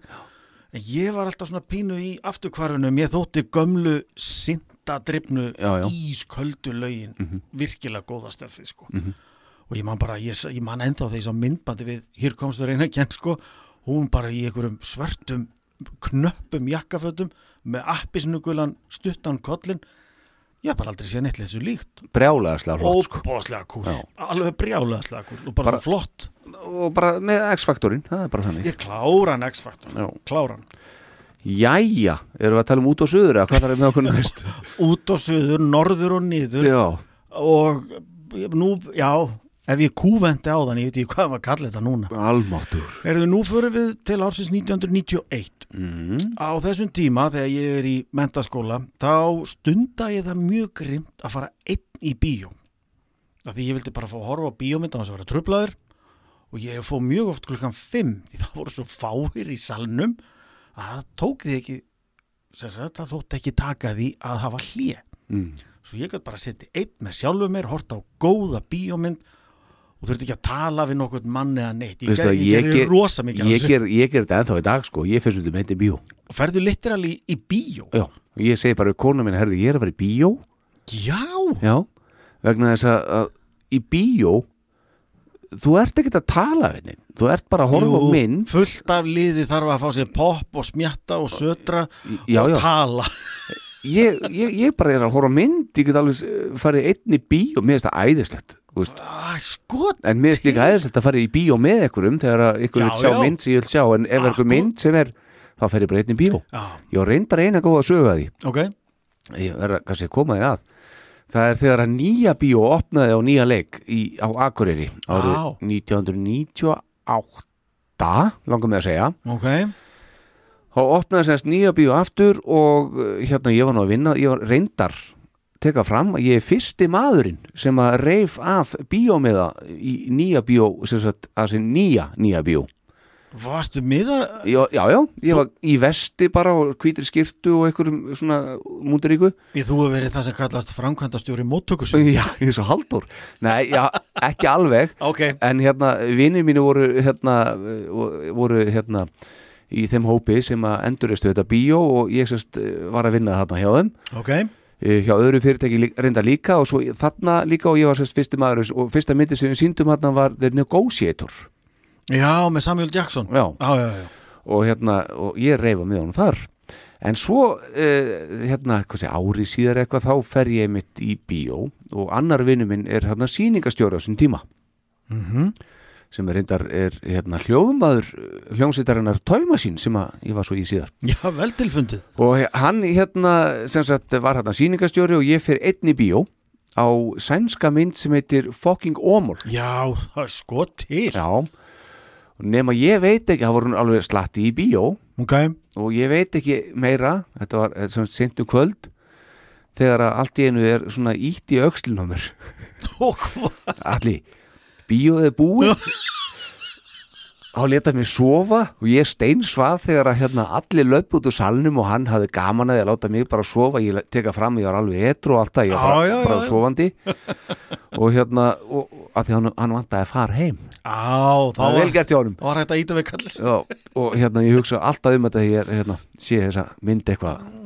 Sé henni bregða fyrir. Já, gaman að þessu. Já, já, góð saga. Þetta var út út úr Já, en þess að tengdur út út úr því þarna á mentaskóla árunum gerði ég mikið af því, við, sko ég fór brjálæslega mikið í bíó. Já, oft með náttúrulega, þú veist, stundum með hópi eh, krakka á mínu reiki stundum nokkri félagarnir, stundum bara ég og einhver einn og stundum fór ég aleitt og ég fór meðal annars aleitt á kvikmynduna Tvöfall líf Veroniku eftir pólska leisturann Kristof Kieslowski í Háskóla bíó líklega á haustdögum frekar en vordögum 1991, ég maður nú ekki alveg en árið er 91 mm og þetta er alveg stórfenglega góð bíómynd sem bara hafði talsverð áhrif á mig og fjallar um sem sé tvær ungar konur, hérna frönsku Veroník og hérna pólsku Veroniku sem eru leiknar af sömu leikoninni, mm. hérna frönsku Irene Jacob. Þær veit ekki að tilvist hvor annarar en er í rauninni svona tvífarara þannig. Mm. Og þetta, þetta er mynd sem er einhvern veginn sko, þú þarft ekki að beint skilja hana þannig að þú ert meira bara að skinja hana og bara, þú veist, hugsa með þér já, á, áhugavert. Þetta er skemmtilegt. Og en tónlistínin er stórfengleg eftir samverkamann leikstjórans Kíslovski ma- sem er maður nafni Svíkníf Præsner hann hefur samið músík við bara allar myndir Kíslovski Mm. og í þessari kvikmynd er atriði þar sem uh, hinn pólska Veronika sem er sópransöngkona í myndinni er að flytja lag á tónleikun en það er ekki franska söngkonan Irene Jacob sem syngur heldur pólsk óperusöngkona sem heitir Elspieta Torníska Já, Ég- eru að fara í óperu það? uh, Já, Ok, og sko þetta er pínu kannski óvænt útspilt hjá mér eða þanniglega því að ég hef aldrei verið trilltur óperu unnandi. Og ég ætla bara að taka það þá heitu töku hér og nú að mér finnst Marja Callas frekar tilgerðarleg og leðileg söngkona. Og nú munu hlustendur Jónsmessu og leikfangavælarnar lemja á okkur núna fyrst. Já, en þarna sem sé kemur þetta lag og með rödd sem sko fer að endimörkum mannsaradarinnar. Og þetta er rosalega flott. Og þarna sit ég einn í myrkurinn í háskóla bíó með sko gæsa húð frá kvirli til Ilja Bara stóra salnum og allt það? Nei, þetta var ekki stóra salnum, þetta Ok. var í einum af hliðasölunum sem ennþann dag í dag svona, eða þú veist, voru lengur notaði sem bíósali Einmitt. þessir hérna Stuðlabergs löguðu mm hliðasali sko. þar satt ég og horfði á þessa mynd frá mér numinn og daginn eftir fór ég rakleðis með strætó í Japis og kipti mér diskin með, með tónlistinni. Og enn þann dag í dag svona af og til þá bara er þetta, veist, að því það er ekkert sem er þessu líkt þá hlusta ég á þetta lag. Og þetta heitir eftir uh, uppskálduðu hollensku tónskáldi frá því seinta átjóndöld Van den Budenmeier sem var ekki til en kemur bara fyrir í myndinni sko, Já, já, já. Og kemur fyrir í fleiri bíómyndum hérna Kristjóf Kieslowski. Þær tengjast með mjög undirförðulegum hætti innbyrðis þótt að séum alls óskilt efni og óskilt fólk. Mm. Svona eitthvað aðeins að lista yfir þannig Já, en samt einhvern veginn svo smekklega að það þarf ekki að þú veist fara í trublutnar á einu meðan nei. En þetta lag er svakalegt og jafnvel gæti ég trúað að einhverju hlustendur sem alla jafna sko fleia tækin út um gluggan ef einhver ópera fyrir í gang. Þetta er bara svo svakalegt. Þessi rödd er ekki hægt. Eða hvað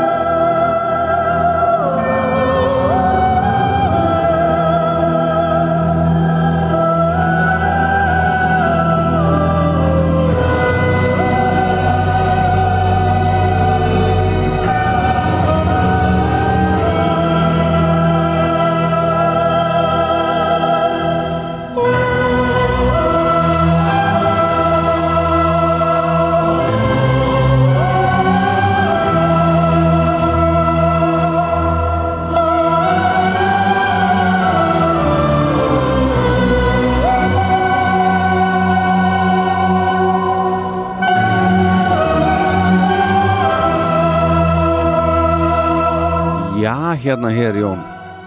Þetta er, alltaf, þetta er kvenrödd sem er bara ekki hægt. Uh, Hvað á ég að koma með eftir þetta? Og ég að koma bara með alheimslag alheimsins?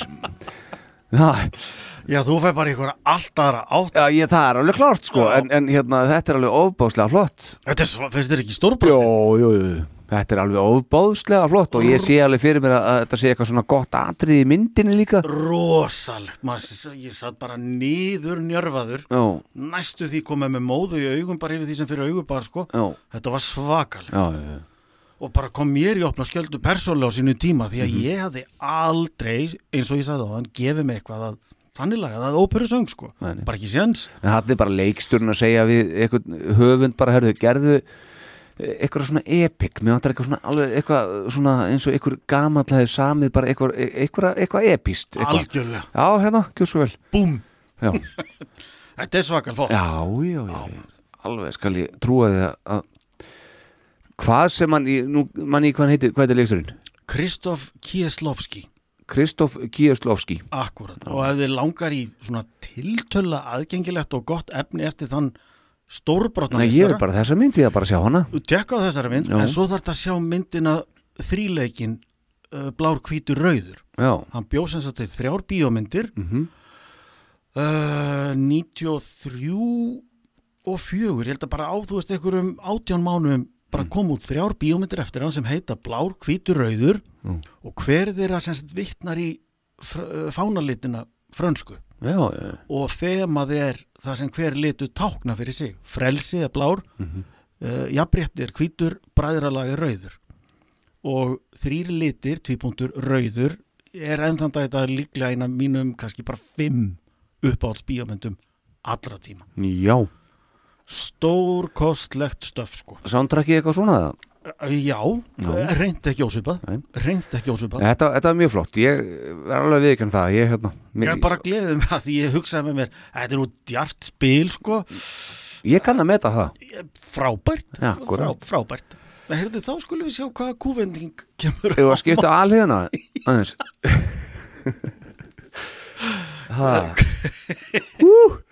Nákvæmlega. Sko fá auðlýsingar Já, Herðu hérna Já, hér. Það er gaman að þessu. Herðu, uh, við ætlum að fara uh, til ársins 1988 uh, Late 80s Surprise.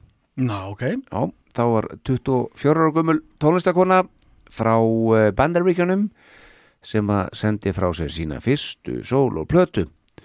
Og platan heitir eftir henni, henni sjálfri. Allt svo Tracy Chapman. Já, ég man eftir þessu. Já. Heldur betur og þessi fyrsta plata hennar uh, hún setti gjössanlega allt á hliðina. Ég meiri sér hérna heima? Allstar Algjörlega. Og hún seldist svo gríðarlega vel. Hún fekk svo ótrúlega góða dóma. Og uh, uh, hún hlaut fullt af velunum fyrir. Grammy auðvitað, Britvelunin MTV Awards meira að segja Danish Music Awards. Öruglega ettuna það væri búið að finna hann upp að það eða hvað það heitir. Já, en uh, hún bara gjössalega toppaði út um allan heim þessi plata. Og allt upp í nýfalda platinusölu hún seldi svo agalega mikið. Mm Tracy Chapman hefur nú áallt verið mjög pólitísk og aldrei skafið svona neitt uh, utan á sínum skoðunum. Ó nei. Einstök rödd og bara getur ekki annað en hrifið alla með sér sem þetta heyra og meira segja það lag sem ég valdi uh, setti Rolling Stone tímaritið í uh, sæti númi 167 af 500 bestu lögum allra tíma árið 2010 Tjá, og ég man uh, þegar ég er nýjára gamall þegar þessi plata kemur út og þá er bróður minn uh, 16 ára uh, ég man að hann hlustaði afar mikið á þessu plötu og ég þá þessi nýjára var algjörlega hugfangin sjálfur að þessu. Það er bara eitthvað eitthvað talandum X-faktor sem að hún er með, hún Tracy Chapman. Já, já. Og það eiginlega bara sýnir sér eða sýnir sér eiginlega bara best í þessu lagi hér. Og heyra Fast Car. Fyrir alla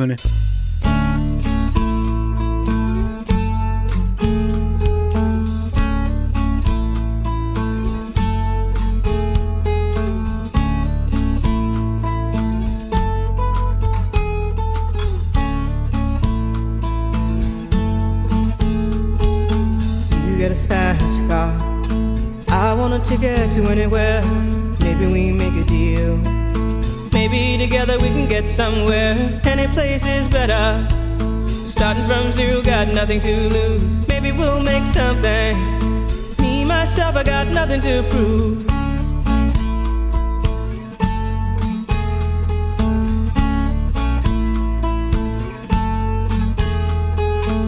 You got a fast car.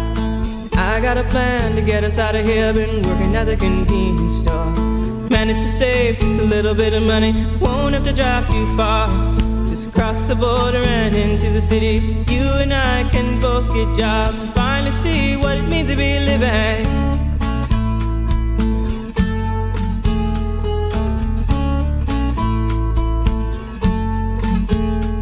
See, my old man's got a problem. Yeah, but the bottle, that's the way it is. He says his body's too old for working. His body's too young to look like his. My mama went off and left him. She wanted more from life than he could give. I said, somebody's got to take care of him. So I quit school, and that's what I did.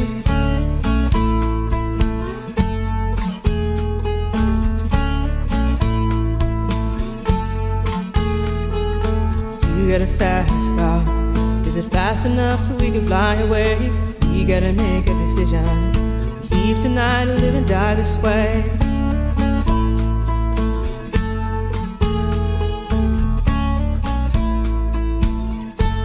So I remember when we were driving, driving in your car.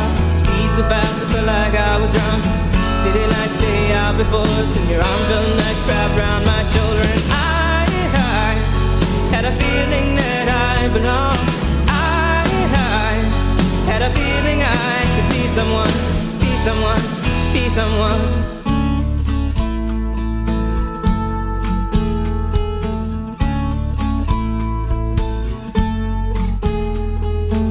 You got a fast car.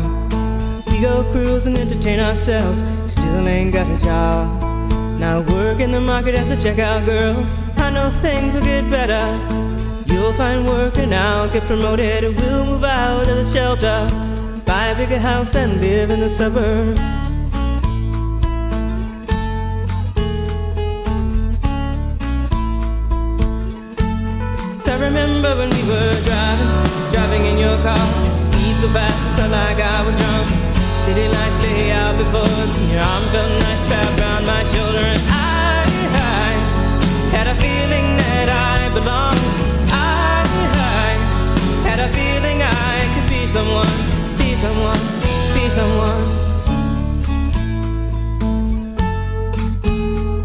Tracy Chapman hefur ekki gefið út blötu síðan 2008 Nei, ok. Og hún bara, já, með hvað þessi plata seldist, ég held hún hún er allavega ekki in it for the money í dag sko. Nei, nei. Og hérna kemur henni mest bara fram svona á einhverjum góðgerða tónleikum og einhverja einhverju slíku, mikill feministi og, og, og svo, eins og ég sagði aðan svona e, mjög pólitísk og, og er ekki þetta svona felar e, sínar skoðanir hvað það var þar Nei, heldur betur ekki.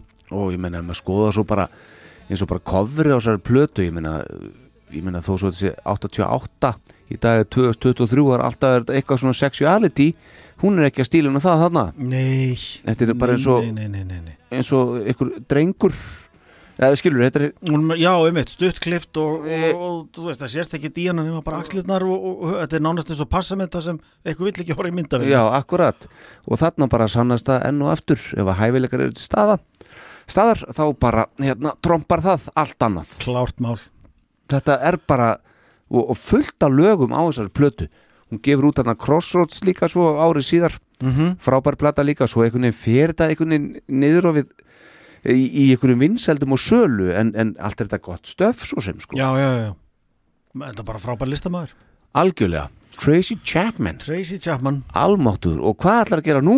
Eru nú ætla ég að hitta fyrir tvo menn. Mm, Þá, menn, já, býðum Þá Erik Hilton og Rob Garza. Mhm. Þeir skipa e, elektróník skástrík, danstónlistar skástrík, heimstónlistar duettin Thievery Corporation. Já. Gáðu fyrst út plötu 97 og svo gáðu þeir út plötu árið 2000 sem heitir The Mirror Conspiracy og Já. þar er í nokkrum lögum söngkona. Þývar Corporation spiluðu á Erfis 99 sem ég spila á. Heldur betur. Já, já, já, ég ætla að nefna þetta. Þú varst bara undan mér. Já. það er nefnilega mikið rétt Nei, já, einmitt, þegar ég var að slá þetta inn á hann ég held ég að ruggla eitthvað sko. Ég, Já, einmitt, ok, afsakið. hún er ekki komin til sögunar þar. Nei, en hún syngur í einum þremur ef ekki fjórum lögum, ég man það ekki alveg á annari plötu duetsins Mhm. The Mirror Conspiracy og gerir það svo vel að hún hefur bara ekki yfirgefið þá félagana síðan. Ok. Og er stór ástæða fyrir því hversu bara vinsæl tónlist Thievery Corporation er ég sá að þú leftir brúnum á þegar þú kíktur á spottan og sást hversu marga spilanir Einmitt, þeir eru með. Já, já. Þetta er, myndi ég segja uh, Svo 80 miljónir eitthvað. Eitthvað svoleið, svo hljómsveit sem hefur náð með hvað bestum árangri að flétta inn svona, segja, áhrif heims tónlistar inn í bara dægur tónlist. Mhm. Þeir sækja áhrif mikið til Suður Ameríku, svona bossa nova tengd áhrif, Mhm. þeir sækja töluvert í mið Östurlönd, svona Líbanon og þannig fyrir botni miðrahafs og slatti í Indland og jafnvel fjær í Östurlöndum. Mhm. Þetta tekst þeim að flétta með mikilli list og mikilli kunst í mjög flotta músík og þegar söngkonan Lulu Gilikani sem er fætt í Íran syngur eins og engill ekki síst á frönsku þá ég, bara hlustið á þú veist, hvað get ég sagt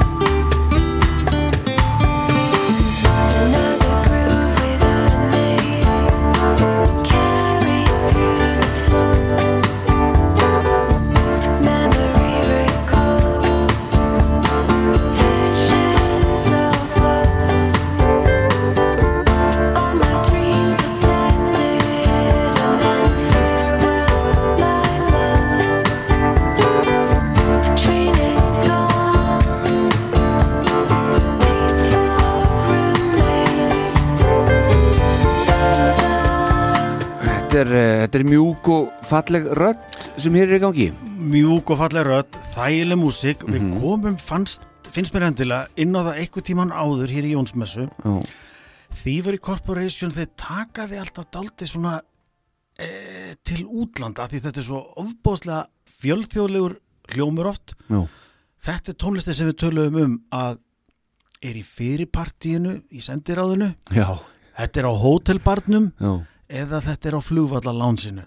Þetta er bara svona daldið alþjóðlegt. Já, þegar James Bond þarf smá downtime og lustar hann á þetta. Akkurat. Kannski á flugvöllunum í Hong Kong eða sendi hér á bústanum í Cairo eða eitthvað svona skil. Einn hræðan ekki hristan og eitthvað? Mikil óskur almáttur er ljúft er þetta Sé þetta fyrir mér? Já, og sér í lagi þegar svo íransk ættaða Lulu Gelikani Mhm. syngur, þá er þetta geggjað sem er þessi, þessi það mjúka er þessi uh, silkimjúka rödd sem flutt okkur lagið Firelight Já. af plötunni Sjádade frá 2015 en nafnið merkir sem sé þetta er portugalska Mhm. Sjádade og merkir svona trega blandin söknuður eða, eða löngun eftir einhverju sem þú getur ekki hlotið.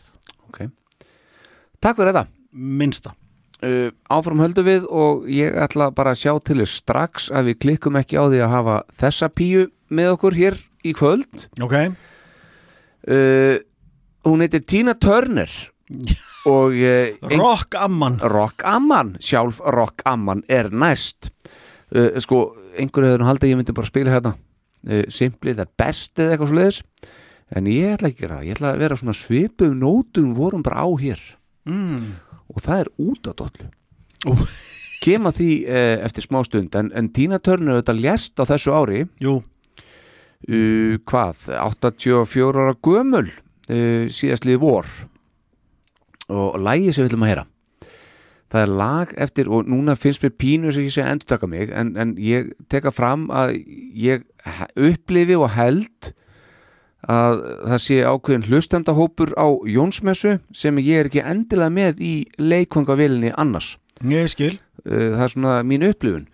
Þannig að þess vegna er alltaf reyna að draga ykkur uh, Jónsmessu fólk að, hlusta á það sem ég er búin að gera áður líka. Gott, og það er meðal annars þáttur sem gerði um Mark Knopfler.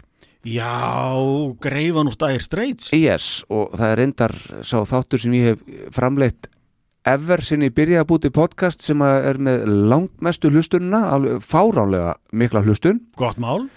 Uh, en málið er það að, uh, sá maður, Mark Knopfler hann samdi lag sem átti að vera á plötunni Love Over Gold og kom út árið 1982 sem var fjórðaplata Dire Straits. Mm og uh, þeir tóku þetta lagu upp og svo kom að því að Knopfler ætlaði að fara að syngja inn á þetta og hún bara fannst þetta ekki passa. Hann gjössanlega fekk þetta ekki til að passa.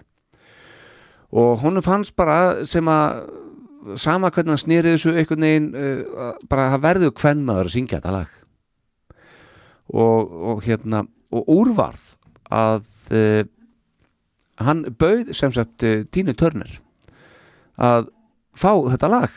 Ok, og uh, hún þáði það og ekki bara þáði að fá lægið heldur gjössanlega fekk hún bara upptökuna og söng yfir upptökuna. Hann er að já, já, Dire Straits spila þeir spila lægi já, já, hann ef þú hlustar á plötuna Love Over Gold þá bara sama soundið og þessu lægi sko ég vissi hann samt í lægið en þetta vissi ég ekki. Nei, nei, bara ælsi og allir eru bara hann að spila undir. Seg, seg mínus Knopfler ó, Já, e, það er nefnilega ekki hann sem spilar e, til dæmis eins og til dæmis e, hérna sólógítarinn. Það er nú annar e, snillíkur sem að lést einmitt líka á þessu ári Jeff Beck sem spilar það. Ó, já, já, já, já sem að Tína fekk í stúdíóðu til þess að taka það. En Tína sendi svo frá sér sína 50 sólóplötu árið 1984 og það er hérna einhverjum tveimur árum síðar. Og platan heitir Private Dancer og þetta lag heitir það líka. Mm og þarna eru bara höfundar einkennin sem að uh, algjörlega bera af. Þú heyri bara jú, ok, þetta núna veistu að Dire Straits er að spila undir. En þú heyri samt bara einhvern veginn uh, stemminguna í læginu ef þú bara skiptir tínu út fyrir Knopfler. Já, þetta er bara, maður heyri bara Mark Knopfler samt í lægið þetta er bara já, ég minni í þessu samengi á instrumentallag sem heitir uh, Going Home. Mm og er titilagur frábæri bíómynd sem heitir Local Hero. Já, já. Þetta er náttúrulega lag sem er spilað alltaf eh, hérna á hérna, St. James's Park. Hanna, því að hann náttúrulega er grjótarður Newcastle maður sko. Svona líka. Já, veist, en það er svona nærtækt svona hetjurokk, hetjupop. Hetjustef. Já, Stef. Og þar þú veist, þetta er engin speill af private dancer Nei, en nei. það er ákveðin hljómagangur sem þú kveikir á og bara já, já, já, já, já, já. Einmitt. Þa- þarna, þarna. En það er svo talað um það að þetta lag sé lagið sem að kom ferli Tínu Turner aftur uh, upp á teinana.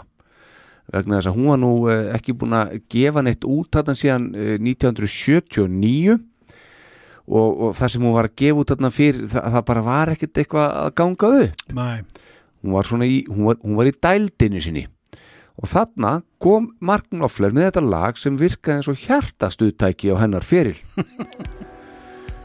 Herðu, þá skulum við bara fara lóðbeint í það að heyra þetta geggjaða lag. Private Dancer eftir Mark Knopfler og heyri nú í Dire Straits og prófiði góður hlustendur og Jón að skipta tínu út fyrir Mark Knopfler. Well, the men come in these places, and the men are all the same. You don't look at their faces, and you don't ask their names. You don't think of them as human. You don't think of them at all. You keep your mind on the money keeping your eyes on the wall. Your private dancer, a dancer for money. Do what you want me to do. I'm your private dancer, a dancer for money, and any old music will do. I wanna make a million dollars. I wanna live out by the sea have a husband and some children. Yeah, I guess I want a family. All the men come in these places, and the men are all the same. You don't look at their faces, and you don't ask their name. I'm your private dancer, a dancer for money.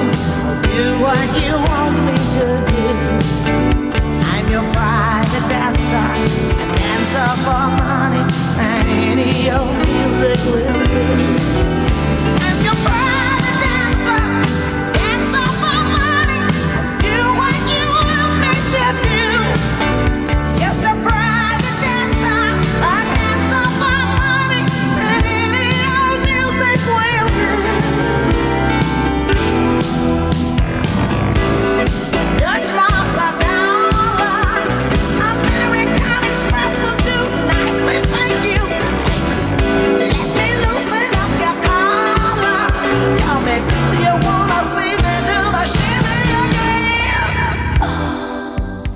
Það held ég að þetta er nú algjörlega stórkoslegt hjá henni Tínu Turner. Já, sko, ég verð nú að taka undir það. Þegar þú heyrir þetta lag, það er eiginlega ógerningur að ímynda sér kallmann syngja þetta. Já, er það ekki? þetta verður að vera frá hvern manni komið eitthvað Já, og líka bara einhvern veginn vel spilað að fá bara Tínu í, í verkið og, og hérna þetta hæfir henni afskaplega vel þetta lag. fullkomlega. Já. En þá allavega uh, fekk ég það fram að, að koma rock-ömmunni fyrir í þessum þætti hér, það var nöðsilegt. það var smart Jæja, nú fyrir að, hvað hefur hafa þáttu langan? Þetta eru ykkurir, hvað, við erum rétt að byrja maður. 220 komnir, rétt að byrja? já, Hafa þetta fjóra tíma? þannig laga, því ekki það því ekki, ekki, það nóg til. nóg er til, byttu fyrir Hvað má bjóða þær að fara í næst, herra Jón Agnar? nú erum við aftur í áttunni Mm og við erum með einhvern svona tónlistar hvað maður að segja, einhvern svona stór stór mestara þannig lagað og hann er að fá konu til að syngja ekki dósip að því sem vorum að hlusta hér eru að hlusta á Mike Oldfield og uh, hann á amali saman dag og ég, vel að merkja. Já, og hann gefur út þrjár plötur í röð. Five Miles Out 82 uh, Crisis 83 og Discovery 84 á þessum þremu plötu sem koma nút þrjú orði röð er söngkonan Maggie Riley mjög fyrirferða mikil með ofbóðslega fallega rödd. Og þarna urðum ansi margi stóri smellir til það sem hann samti og hún söng. Uh, Moonlight Shadow uh, Family Man uh, Two Friends uh, Fyrir Moonlight Shadow þá erum við bara að tala um bara eina sanna eina sanna, Já, já. það er Mike Old- Oldfield og Já, sungið af Maggie Riley. Mhm. Foreign Affair þetta er allt stóri smellir sem hérna rötuð, þú veist, á, á lista víða um heim og, og gerðu það gott en ég hef alltaf verið hrifnastur af titila í plötunar Five Miles Out. Ok, það reyndast, þú veist, syngur Mike Oldfield líka, þannig að við verðum að þóla það að fá smá Karl Barka í þetta líka. Helvítis. Já. En það breyti því ekki að, að sko, stóri pósturinn í læginu er ofbóðuslega falleg rödd hennar Maggie Riley. Ok, Þetta lag hins kom þannig til að Mike Oldfield var búin að koma sér upp enga flugmannsprófi. Hann er á tónleikaferðalagi á Spáni, þarna pff, 81 eitthvað svo leis, Mhm. leigir sér litla Lockheed Electra uh, vél og ætlar að fljúa norður til San Sebastian. Nefna hvað hann fær frá einhverju flugturni kolvillösa veðusbá. Þannig að hann flýgur óforfandi rakleitt inn í einhvern brjálaðan storm og er bara næstum bara farin í jörðina sko. mm. Og hann semur um þessa reynslu þetta lag. Þegar hann lendir, fer hann okkur bar, lænar bara upp alveg stóri röð af Guinness og okkur hendi þetta lag, heila bara kom til hans. Þetta er bara uppgjör í lagaformi á þeirri reynslu að hafa verið næstum farin bara í jörðina á bara einhverju Á- á- á rangan hátt. á á, á tvekja hrifla vel sem hann legði Mhm. Ég man bara enn þann dag í dag þegar þetta lag kemur út í rauntíma sko, fannst þetta brjálaðslega kúl. Mhm. að því að sko e, söngrödd Mike Oldfield er, er frekar hrjúf og sko ekki sérstaklega svona póleruð eða fín, hann er frekar kantaður og svona já, mitt svolítið sérstaklega söngrödd hann er eiginlega flinkar gítarleikar en hann, en hann er söngvari. En Maggie Riley er óviðjafnalega flink söngkona. Gerir þetta lag alveg. Og þetta var svona lag sem maður sá í Skonrocki á sínu tíma þeim ágæta þætti, þetta er líklega þetta Andrisdóttir að, að halda utan um þá stjórnatöma og eldist bara þannig að þetta er bara 80s lag. Þetta er á sinnhátt batsins tíma en enn þannig að þetta geggja gott lag. And you're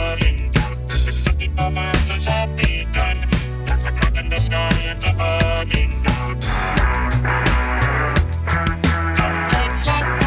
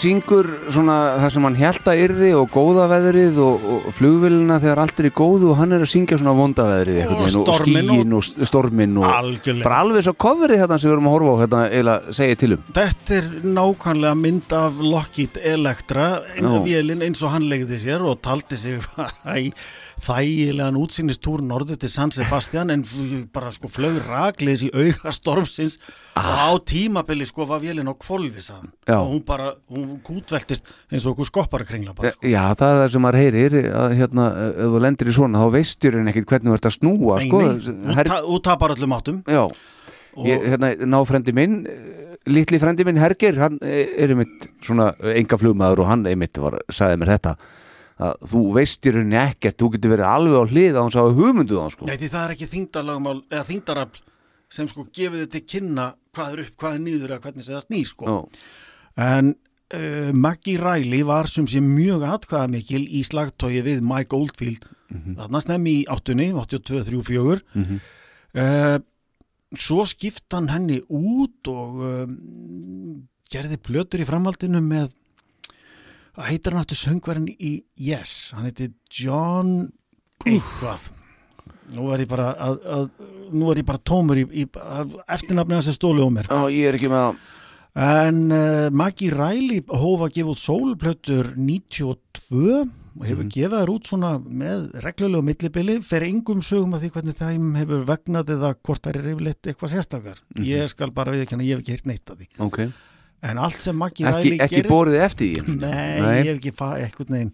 En allt sem hún gerði, Mhm.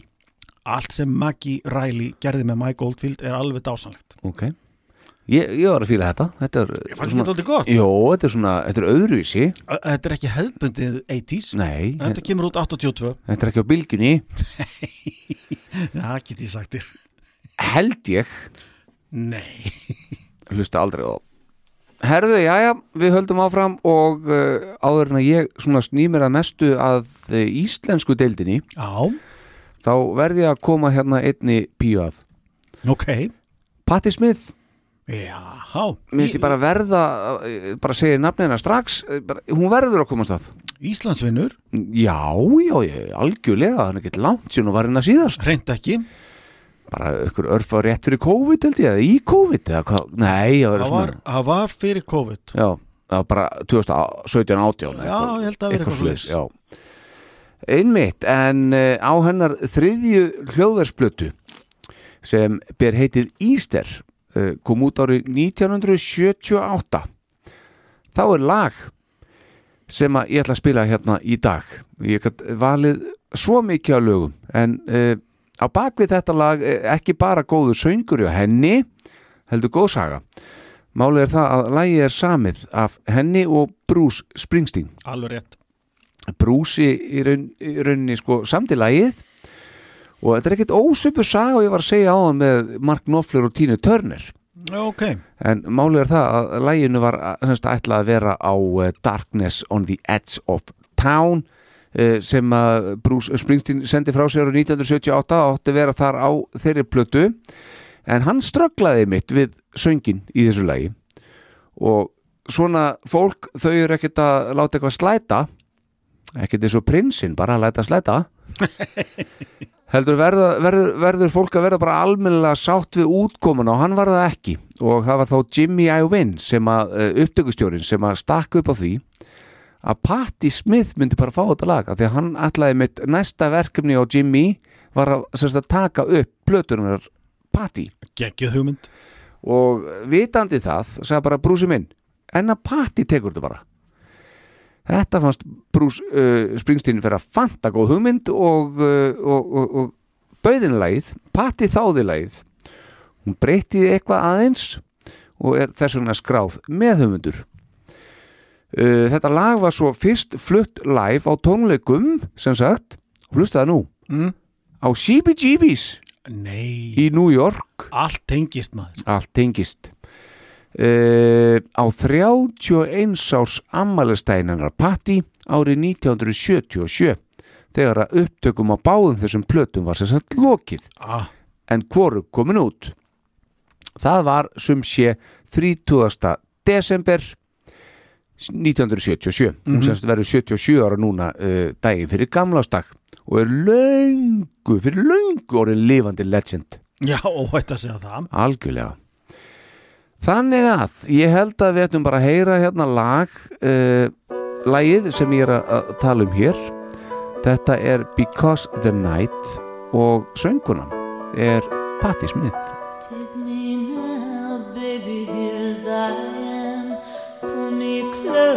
try and understand. Desire is hunger, is the fire I breathe. Love is a banquet on which we feed.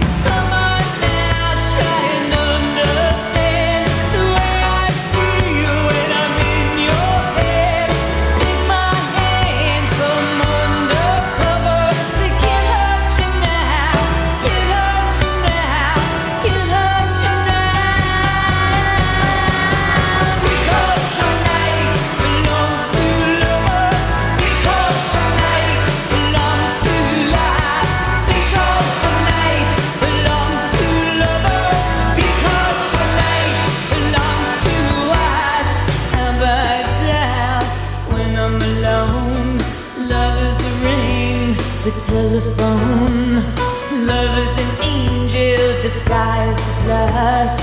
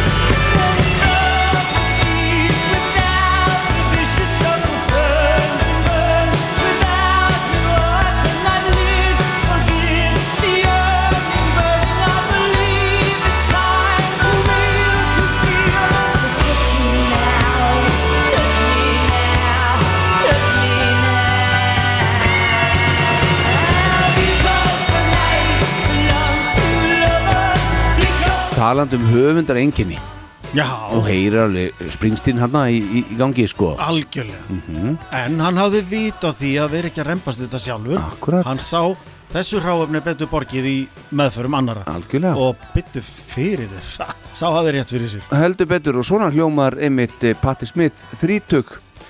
Uh, sko og það er nú gaman að hérna, verður eiginlega að fylgja líka sögunni, ég var að tala um á hana að þetta lag hafi fyrst verið uh, flutt á tónleikum hérna uh, á CBGB's í New York. Mm -hmm. uh, 30. desember uh, 1977 að þá var einmitt Bruce Springsteen meðin á sviðinu. Það er svo? Já, þannig að það er nú gaman að að því að ég hef nú spilað á þessum stað það hef nú komið fram áður. Og hérna því miður er hann ekki til lengur þetta er fatabúði dag en hins vegar þá bara, ég vildi óska þess að ég man eftir þegar sko, við vorum hann inni, við stóðum á sviði erum að spila, bara soundcheckið og annað.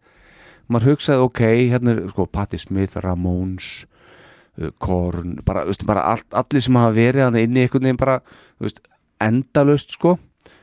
Uh, meira að segja hérna bara flokkurinn og eitthvað bara, hugsa þú veist, við vorum ekki fyrsti frá Akureyri Nei, nei, nei, nei. En eða, veist, bara rosalega mikið að nöfnum og ég man man hvað ég hugsaði þetta stert og í dag þá hugsa ég alltaf djöfull vildi ég hef notið þess betur. Af því að þetta var svo mikið svona bara, eh, þetta var eitthvað maður þurfti að standa sig einhvern veginn og þú, þú einhvern veginn náðu ekki að vera í skinninu mínu. Nei, nei, en það er kannski ekki heldur hægt að ætlast þess að tvítugum strák, skilur nei, nei, ég veit það. Þú veist ekki skrítið að menn séu pínulítið úr sínu elementi á þessum stað og þessari stund. Já, þeir slitlir í sér. Dálítið. Já, það er reyndar alveg háréttjör Ég skal hugga mig við það. Já, en, en það er mjög gaman að hafa spilað þarna því að þetta, þetta er bara og hann er gjörsanlega algjörlega ó, óbreyttur frá því sem þarna var mm þegar við spiluðum hana. Já, Þetta, ekkert nýtt mögulega ný bjórdæla annars ekkert nýtt nei, sagan í hverri fjöl sko. algjörlega Já. og kakkalakar á veggjónum og allt saman minna má það ekki vera sko. Jæja Jón minn uh, ég er búin að koma að bæði Tínu og Patti Já, hvað ætlar að gera næst? Meiri ópera? nei, Nei. ég veldi fyrir mér hvort við höfum að taka aðra pínu lítið svipa típu að einhverju leitt eins og Patti Smith. Já. Hún byrja mér sér P. Mm, Polly Jane PJ Harvey. Akkurat, vinkona Bjarkar. Vinkona Bjarkar. Mhm. ríkalega flottur listamaður. Mm sko snemma í nýjunni þegar hún springur út með þú veist blötun sínum Dry og Rid of Me og þessu öllu saman. Mhm. það var engin einhvern veginn að gera akkurat þetta sko, það var fullt af einhverjum pungsettum köllum að spila þú veist, rátt og hart og svo leis Mhm. hún var bara að gera hluti hún var bara einhvern veginn stelpa með gítari sem var svo- svona á sinn hátt áldi að skáka bara öllum saman sko Mhm. og svo þegar þú heldur að hún sé búin að þú veist, finna þú veist, ég veit ekki hvernig að lýsa þegar ég heyrði síðan plötu sem kom út 2007 með henni og heitir White Chalk Gj, bara algjör kúvending frá því sem hún hafi gert á Mhm. Bara gamalt píanó og algjört meistarverk svo plata. Mhm. alveg stórkostleg. En ég ætla að spila lag með PJ Harvey af plötunni Let England Shake frá 2011 þessi plata kannski þú veist talar inn í samtíman að einhverju leiti núna þegar opbóstlega eitthvað ógeðfelt stríð og, og slátrun á sér stað fyrir botni miðrahafs þessi plata Let England Shake er einfallega bara um stríð, þetta er ádeila á stríð. Þetta er upprifin á þáttöku Englands í stríði frá fyrri heimstöröldinni sem er svona mestanpartin það sem að vera yrkjum. En þetta nær alveg aftur að uh, sagt, Írak og uh, segja, þáttöku Englands í, í Afganistan og Írak.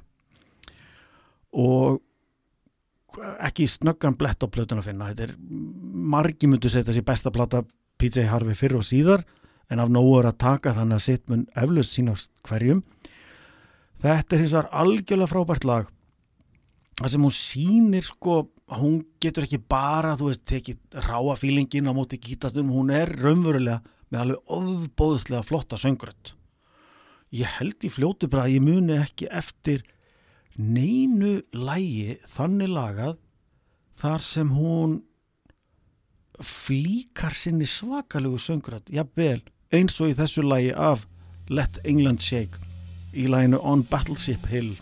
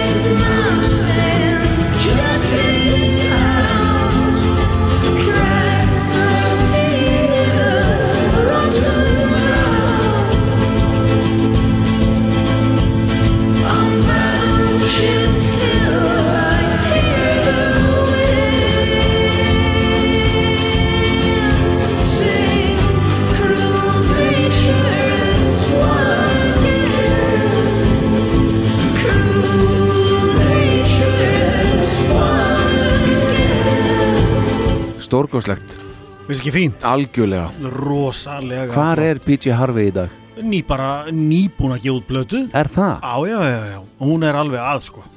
Ég þarf að tjekka á þessu. Þú verður að tjekka á Já, þessu sko. þetta er bara takk fyrir þetta. Þetta er svona Þetta er rí... bara minna mig á hana. Já, þessi plata er algjörlega frábær frá upphæfi til enda. Ég hef líka alltaf Veitu, er þetta fyrir ekki af þeirri plötu sem hún nýbúin að gefa út?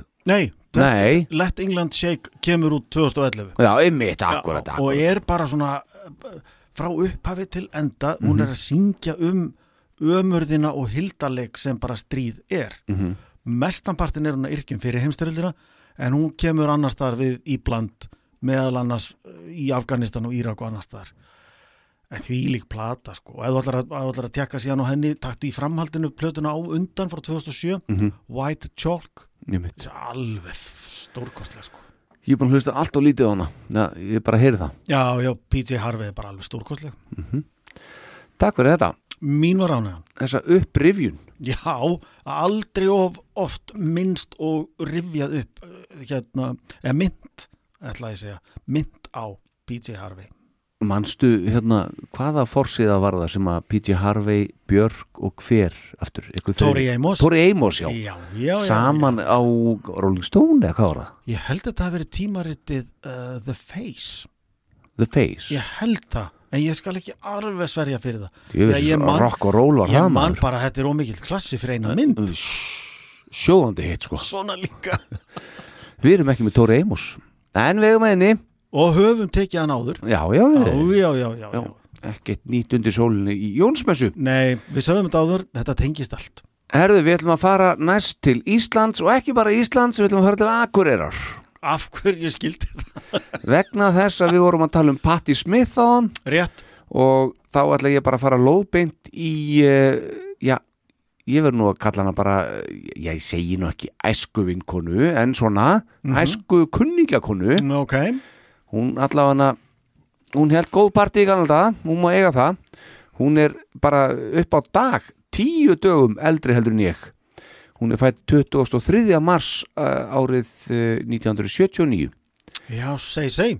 Hún heitir Sigrun Stella og hún býr í dag og starfar í eh, Kanada og starfar við tónlist þar er með fínt band þar þar sem að sem, eiginmaður hennar er í bandinu og uh, fleiri menn.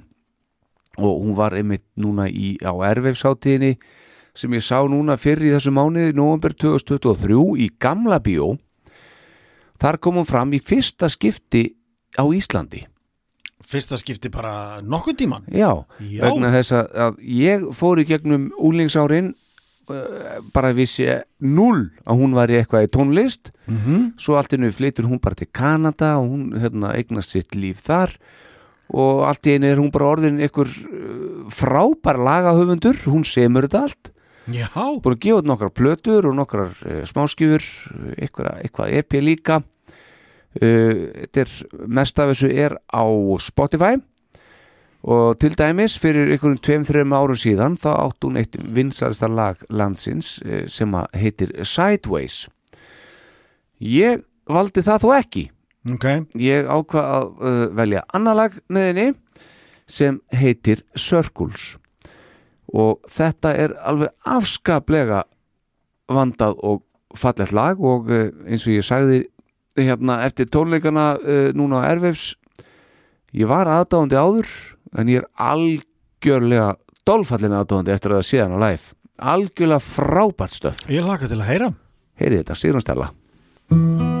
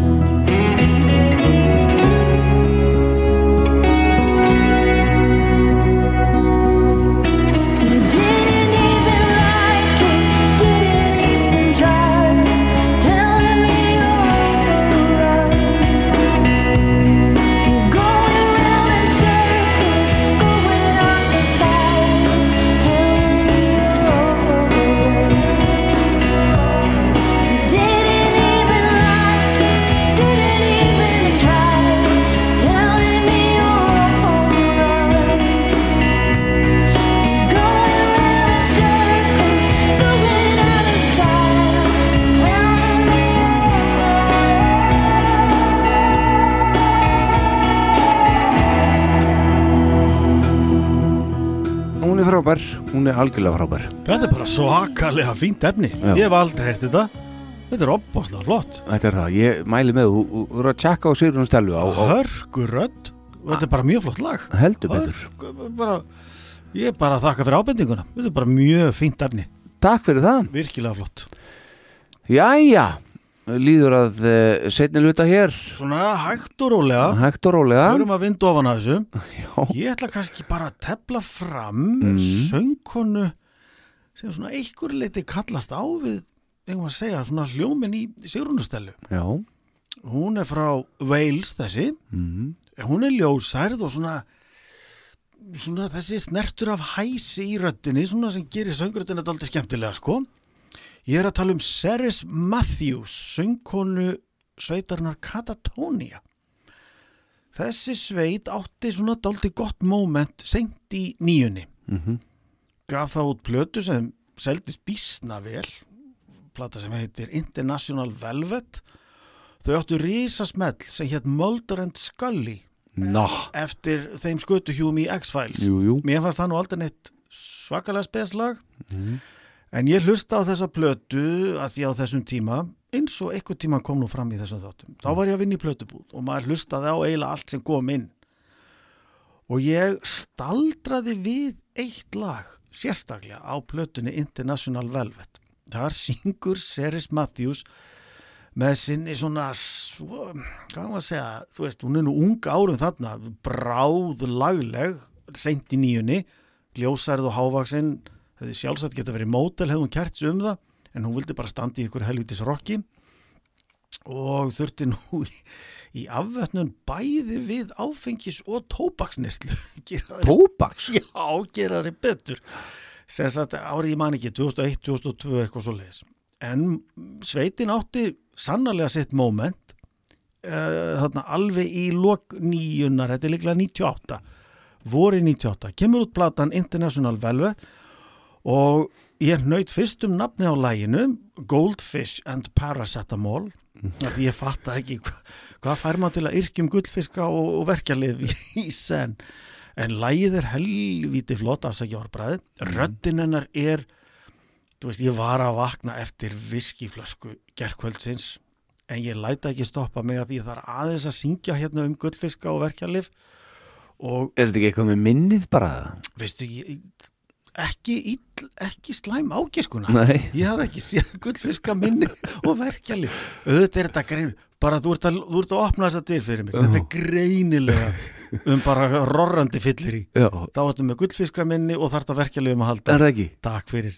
Það er alltaf fjórðungu síðan ég heyrði þetta fyrst og ég er að fatta þetta núna.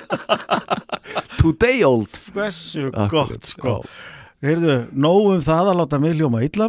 Eh, Tjekkum bara á Goldfish and Paracetamol með Katatonia sungið af Ceres Matthews. A day lost, no songs, no fun, just glum, lying next to someone. So don't mention the war, don't question where we stand, nor where we.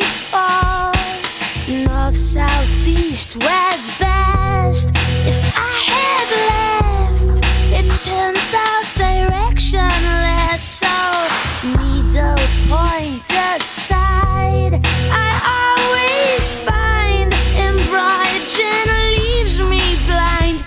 Cause I'm too weary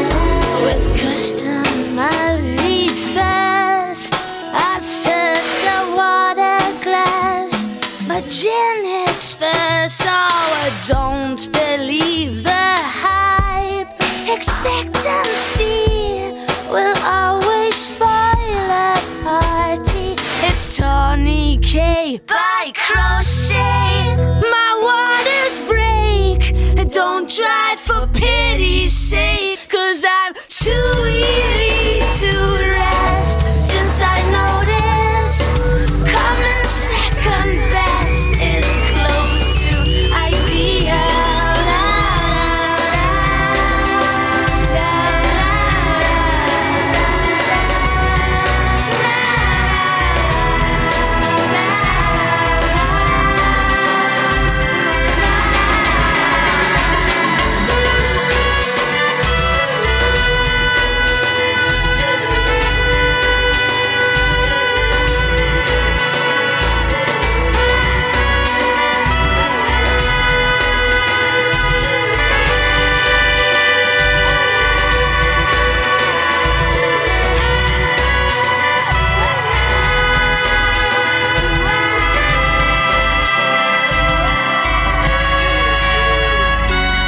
Þarna bara, þau nota alla rásirnar og mixetum hann ég heyri það bara. Gjössamlega Það er allt í gangi. Allt í gangi, en það veitti ekki að fyrir rödd Ceres Matthews sem er strax þarna eh, líklega þremur árum fyrir afvötnun mm. farin að láta á sjá það er svona nett reynsla í þessu. Já, nett reynsla en sko svo, svolítið fyndið þú að tala um þetta lag hann Möldurinn Skölli mm -hmm. Bara svona, já, ég mögum til þáttunum. Svo um leiðu heyri röddina í þessu lagi Já, þá myndi ég eftir læginu sem við tala um á já, já. Þetta var alveg, þetta var alveg vinsælt. Nei, það var mega smellur. Já, og Alveg miklu hraðara og svona, Já, já, já, þetta er hérna já, manstu eftir hérna Lord of the Boards já, með uh, hvað heitir þetta? uh, hérna We're the Lord of the Já, já, Boards ég- nákvæmlega ég bara, þú veist, þetta er ég þarf að seilast upp í, upp í einhverja hillu sem er daldi baka til þau hétu Aftast í henni? Já, Ný manni, hvað heit þau, jú, að Guano Apes Guano Apes er mitt Ég sagði þetta að væri langt baka til Já, en þetta er sko þetta, þetta möldurinn skölli einhvern veginn einhvern veginn þar Já, ég bara uh, late 80s eitthvað skona Já. pop. Ah, Nei, late 90s já, já, já, já, já. Og svona töff þá en eitthvað sem myndir aldrei sitja á í dag sko, aldrei. Nei, ég held Akkúrat. ekki Ég held ekki. Herðu, jæja, takk fyrir þetta. Uh, Þá er nú orðið eitthvað lítið eftir. Já, Ég er nú með einhverja skvísur eftir en við erum búin að vera hérna næstu í þrjá tíma. Þannig að, þú veist, allt gott ekkur enda já, já, enda ekki úti lokað að í fyllingu tímans tökum við annan snúning Já, eh, til þess að hampa, hampa dömunum. skvísur dús Já, helduru Já, ég til í það. Uh, Ég ætla að halda mig hér á Íslandi.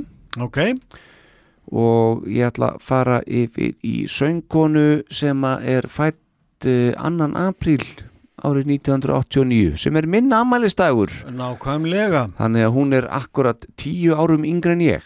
Ok, og uh, hún heitir sem sagt uh, Katrína Móensen Hún er- já. hún er hljónstinni Mammut Heldur betur. Og röddin hennar minni mig oft uh, einmitt á hana Björk.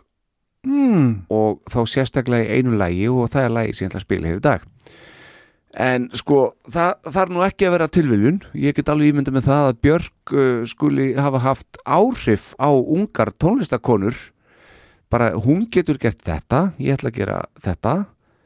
Og, og Björk hlýtur að hafa ykkur áhrif. Ekki það að hún liti öll lögin hjá Mammut en hún litar þetta lag alveg klálega Já, já, og bara, ég menna, hefur áhrif í, í meira eða minna mæli á örgla langflestar íslenska söngkonur Ég, það bara hlýtur að vera. Það bara lítur að vera. Mammut vann músiktilrunir árið 2004 og fyrsta plata þeirra eh, sem ber heitið Mammut kom út árið 2006 hún hefur nú reyndar ekkert flogin eitt voðalega mikið, súplata eitthvað meira gerist þó hjá þeim uh, þegar að önnur platan þeirra kom út sem heitir Karkari.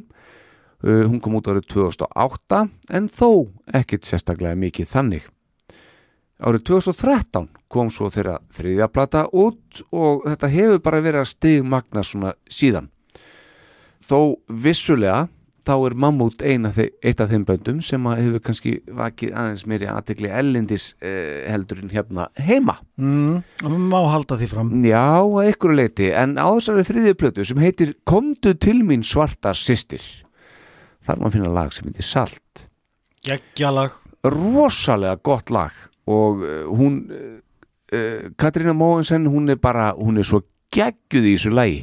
Svo sá ég einhvern tíka búin að heyra þetta lag og finnst ok, þetta er cool, ok, finnst þetta flott. Svo er ég einhvern veginn að horfa á sjónvarpið og það er svona oft árun að koma fréttir.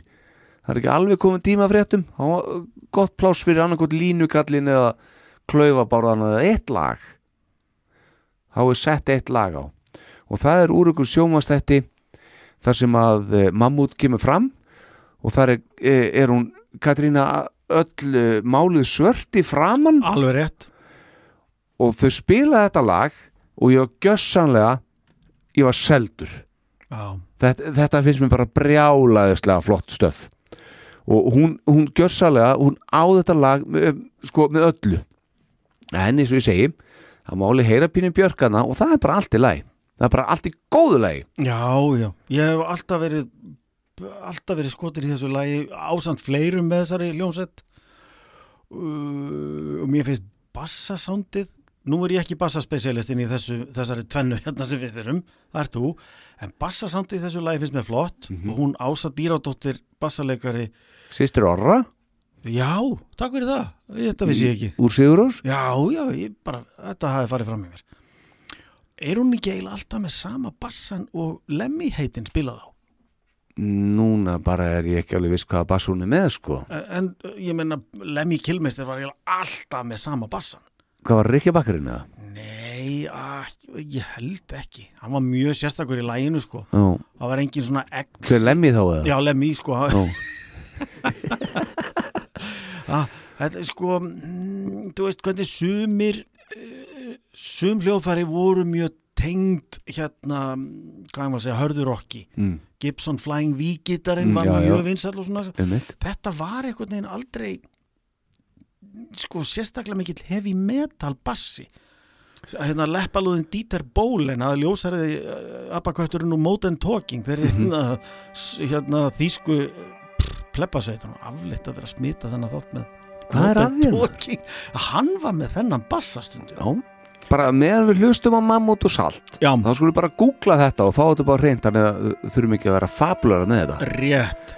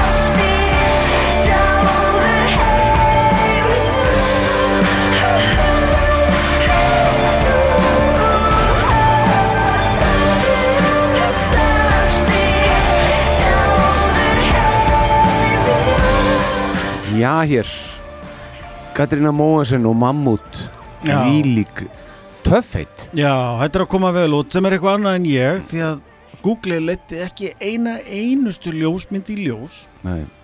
af ásu dýradótti með umrættum Rickenbacker bassa. Ég hlýta að hafa síðan að bara ekkert hérna á Airwaves munda þessa exi. En það tók mig 0,2 sekundur að googla það að Lemmy var með Rickenbacker eins og ég sagði já, Þannig, þannig að, já, þú lítur kjánulega út. Afleitlega en En sem betur fyrir þetta ekki sjónvarp.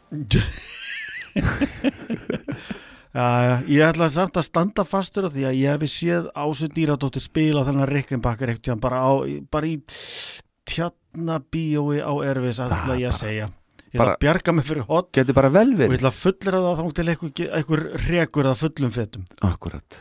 Já, ó, já, já Herðu, jæja. það breyti því ekki að bassa samt eða gegja í þessu lagi. Já, algjörlega. Já. Og hún er bara frábær á þennan bassa sinn Líka, hún ása. heldur betur. Svo er e, sýstið þeirra Hennar og Og e, Orra Já. Hún sem sagt vinnur á alþingi.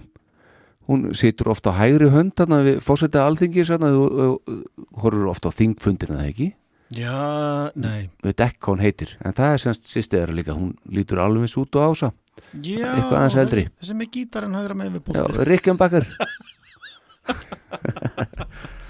það er ekki allir vittlisann Nei, herðu allavega. Jón, þú átt eitt lagi viðbót og Já. svo ætla ég uh, eftir það að koma með lokalag hér Já. að því átt í máta. Já, og slepp ekki sem þetta nema að gera það en þú ætlar að fara í þetta síðast eitthvað? Ég ætla að fara í, í Íslandslag Já, ég ætla að fara í hljómsveit sem Sölvin okkur Blöndal var forsprakkin í og nú kunna nú einhverja áhórendur að setja upp stóra augu Hvaða sönguna var í Kvarasi? Nákvæmlega. Sölvi Blöndal var ekki bara í kvarasi. Hann nefnilega held utan um duett sem ég veit ekki hét, heitir, hét Halleluja. Mm Töföldu vaffi en ekki með jóði. Halleluja gaf út samnenda stóra plötu árið 2015 Komið svo óvart að ég bara vissi ekki bara fyrir áðan sko. Akkurat. Og þennan duett skipaði ásamt Sölva Blöndal uh, söngkonan Rakel Mjöll Leifsdóttir sem kallaði sig allavega í þá daga Raketta og uh, ég man að ég fekk þessa plötu í hendurnar þegar ég vann í þann dag upp, upp í hátegismóm upp á morgunblæði og beðnum að hendi í dóm. Og ég mærði þessa plötu alveg í drasla því mér fannst hún frábær. Mér fannst hún algjörlega geggjuð. Og ég meira segja að heyrði í sölvu og sagði ætlar, ætlar ekki að álpast til þess að hendi svo í vínilega eitthvað? Maður fannst þetta geggja þetta var ekki líkt einhvern veginn neinu sem var í gangi hérna heima. Þetta var satt að segja ekki líkt neinu sem var í gangi bara eða ellendis heldur. Það var svona dálítið evrópsk, svolítið svona dekadent mm, ekki beint tölvupopp en þó. Það var mjög svona hlýtt. Vitið er Sölvi ekki bara í einhverjum bankabistins á þessum tíma? Já, jú, jú, hann var bara, hann var bara hérna rándir hagfræðingur hjá, hjá Kvikubanka og ég veit ekki hvað og hvað sko. Já, En hendi þetta í hjáverkum og fórst það afskaplega vel og hendi. Platan er alveg bísnaflott. Ég heyri, ég svona renni þessu alveg í gegnum, gegnum hérna, heyrnastóli mín endurum og sinnum því þetta er ég endurteg, þetta er eiginlega engu öðru líkt. Sölvi er mjög naskur á sound og Raketta, öðru nafni Rakel Mjöld Leifsdóttir, er með mjög svona strömlínulagað á þægilega söngrödd. Það má reynda að skjóta því að að hún brúkar hana af talsvert meiri tilþrifum í öðru bandi sem hún er í núna og kallast Dream Wife. Og haltuðu nú Rakel Mjöld Leifsdóttir er ein af fjórum íslenskum konum sem hafa komið plötu á topp 20 í Englandi. Hættu þessu. Með Dream Wife. Hún náði í átjönda sætið vorið 2020 ég veit að COVID eh, setti strik í reikningin hjá sko eh, hérna tónleikaferðalagi sem þá var fyrirhuga hjá þeim. Veistu hverja hina þrjár eru? Björk, Ein, Alda. Nei. Ekki, hún kom smáskifu, ekki breyðskifu Já, breyðsku Þetta er bara plata. Já, Emilia Torini nei, Ah, Björk. Ekki hugmyndum það uh, hinn daman í hljónstinni Sigum Álandir Já, hún hérna Margaret okkar, Örn- Örnólsdóttir og þriðja Nanna Bryndís í of Monsters and Men Já, auðvitað Já. En sum sér Rakel Mjöll er fjórða íslenska konan til að skvísa breyðskífu inn á topp 20 í Englandi. Hvað er þetta? Gera þeirri betur. Nei. Ég ætla samt ekki að spila uh, lag með hérna um, hljónstinni Dreamwife sem er sem sagt hvenna tríó og hefði nú kannski alveg átt heima þannig lagað í þessu þætti.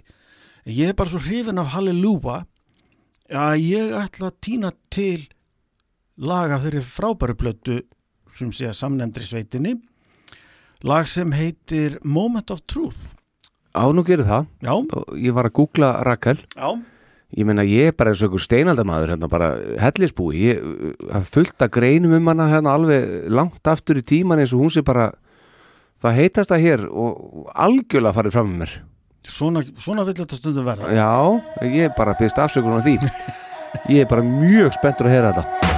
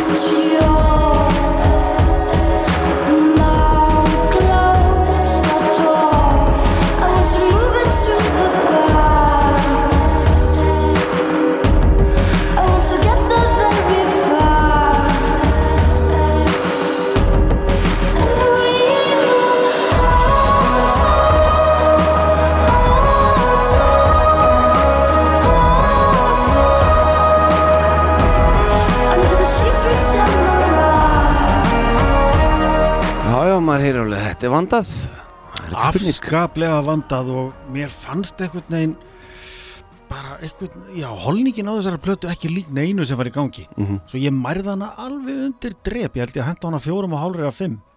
Hakki? Já, Já. Varst með hakk eins og já það hefur verið, það hefur verið 900 grömm af, af Evrópuhakki eða eins og, og doktor Gunni gaf so tough sem við tólum um útþyndu já, hann gaf henni kíló af tíkaspennahakki. Já, það er svoleiðis. Svo leys Herðu, jæja, uh, Jón, það er komið að loka með hérna hjá okkur. Í dag. Í dag? Já, uh, þetta var Jónsmessa númer 10, Kvenrattir ég, ég held að við komist bara þokkalega vel frá þessu. Uh, eins og sagðir hérna í byrjun þetta var ekki bestu rattir allra tíma. Þetta er bara svona meira það sem við uh, töldum saman sem að eitthvað hefur haft áhrif Bara okkur. kvenrætti sem hafa hrifið okkur í gegnum tíðina. Akkurat, Bingo. Bingo í sal. Þannig að, uh, að að brjálast við okkur ef að vantaði þína uppálsrödd uh, Það eru, þetta var hvað? Eh, Það eru tveir þættir eftir af Jónsmessu þáttaröðu 2, ekki satt? Hárétt Já, þannig að við ætlum upp í 11 og 12 og uh, markmiða var að gera þetta fyrir jól Við ættum að ná því. Já, Efnin liggja fyrir. Já þau liggja fyrir og bara gerum við það. Og svo jafnvel eh, ef að verður af því að Jónsmessa þáttaröð 3 fyrir loftið þá kannski bryttum við upp á nýjung. Hver veit? hver veit, það veit að enginn. Ekki eins og við. Ekki einu sinni við. Herðu, ég ætla nú bara að fá að enda þetta hérna á uh, söngonu sem að uh, allir heldu uh, í den að væri brjóstin einn en er það alls ekki. Dolly Parton. Atna Já, algjör snillingur. Já, já, hún er bara í húð og hár Algjört legend. Já, og ég menna ég kann að hljómi svo durgur þegar ég segi sko allir heldur að vera brjóstin einn en það er bara þannig. Þetta er Dolly Parton og það bara, hún er bara ljósærð með stór brjóst og hvað. Já, svo kemur bara ljós, erðu, hún bara er bara geggjaður lagahöfundur bilað góð söngkona.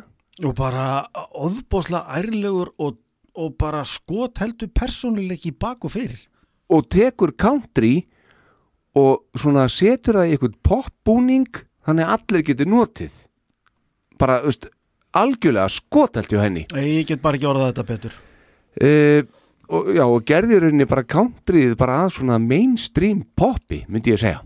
Ég, ég hugsa að hún hafa allavega átt bísnastóran þátt í því. Mm að færa ameríska sveitatónlist uh, nær, einhvað að segja, meginströmmnum og gert fleirum kleift að, að, að hlusta sko. sannarlega er ég sammála því og lagið sem ég valdi það er uh, síðan 1974 og það er að hennar 13. plötu taktu eftir Var það 13. platan 74? það er þessu sem að tala um eitthvað sem er fætt sko 1901 Þessi dama já ég veit það, það þarf ekki fleiri orð um Dolly, hún er geggjuð. Var, er og verður. Jón Agnar Ólason takk kærlega fyrir. Jónsmessu nummer 10 Mín var sannarlega ánæðan hvern rattir, þetta bara að geta alveg, alveg orðið eitthvað framhald af þessu, Já, ég hefði ekkert á móti því. Ekki heldur. Nóg er til, nóg er eftir. Aldeilis Dolly, þú klárar þetta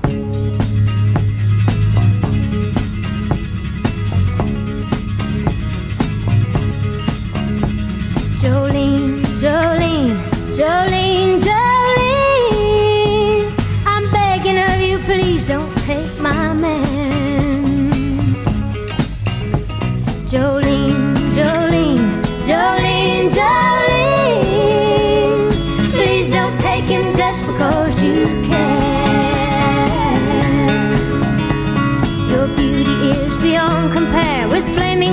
Of auburn hair, with ivory skin and eyes of emerald green. Your smile is like a breath of spring, your voice is soft like summer rain, and I cannot compete with you, Jolene. He talks about you in his sleep, and there's nothing I can do to keep from crying when he calls your name, Jolene.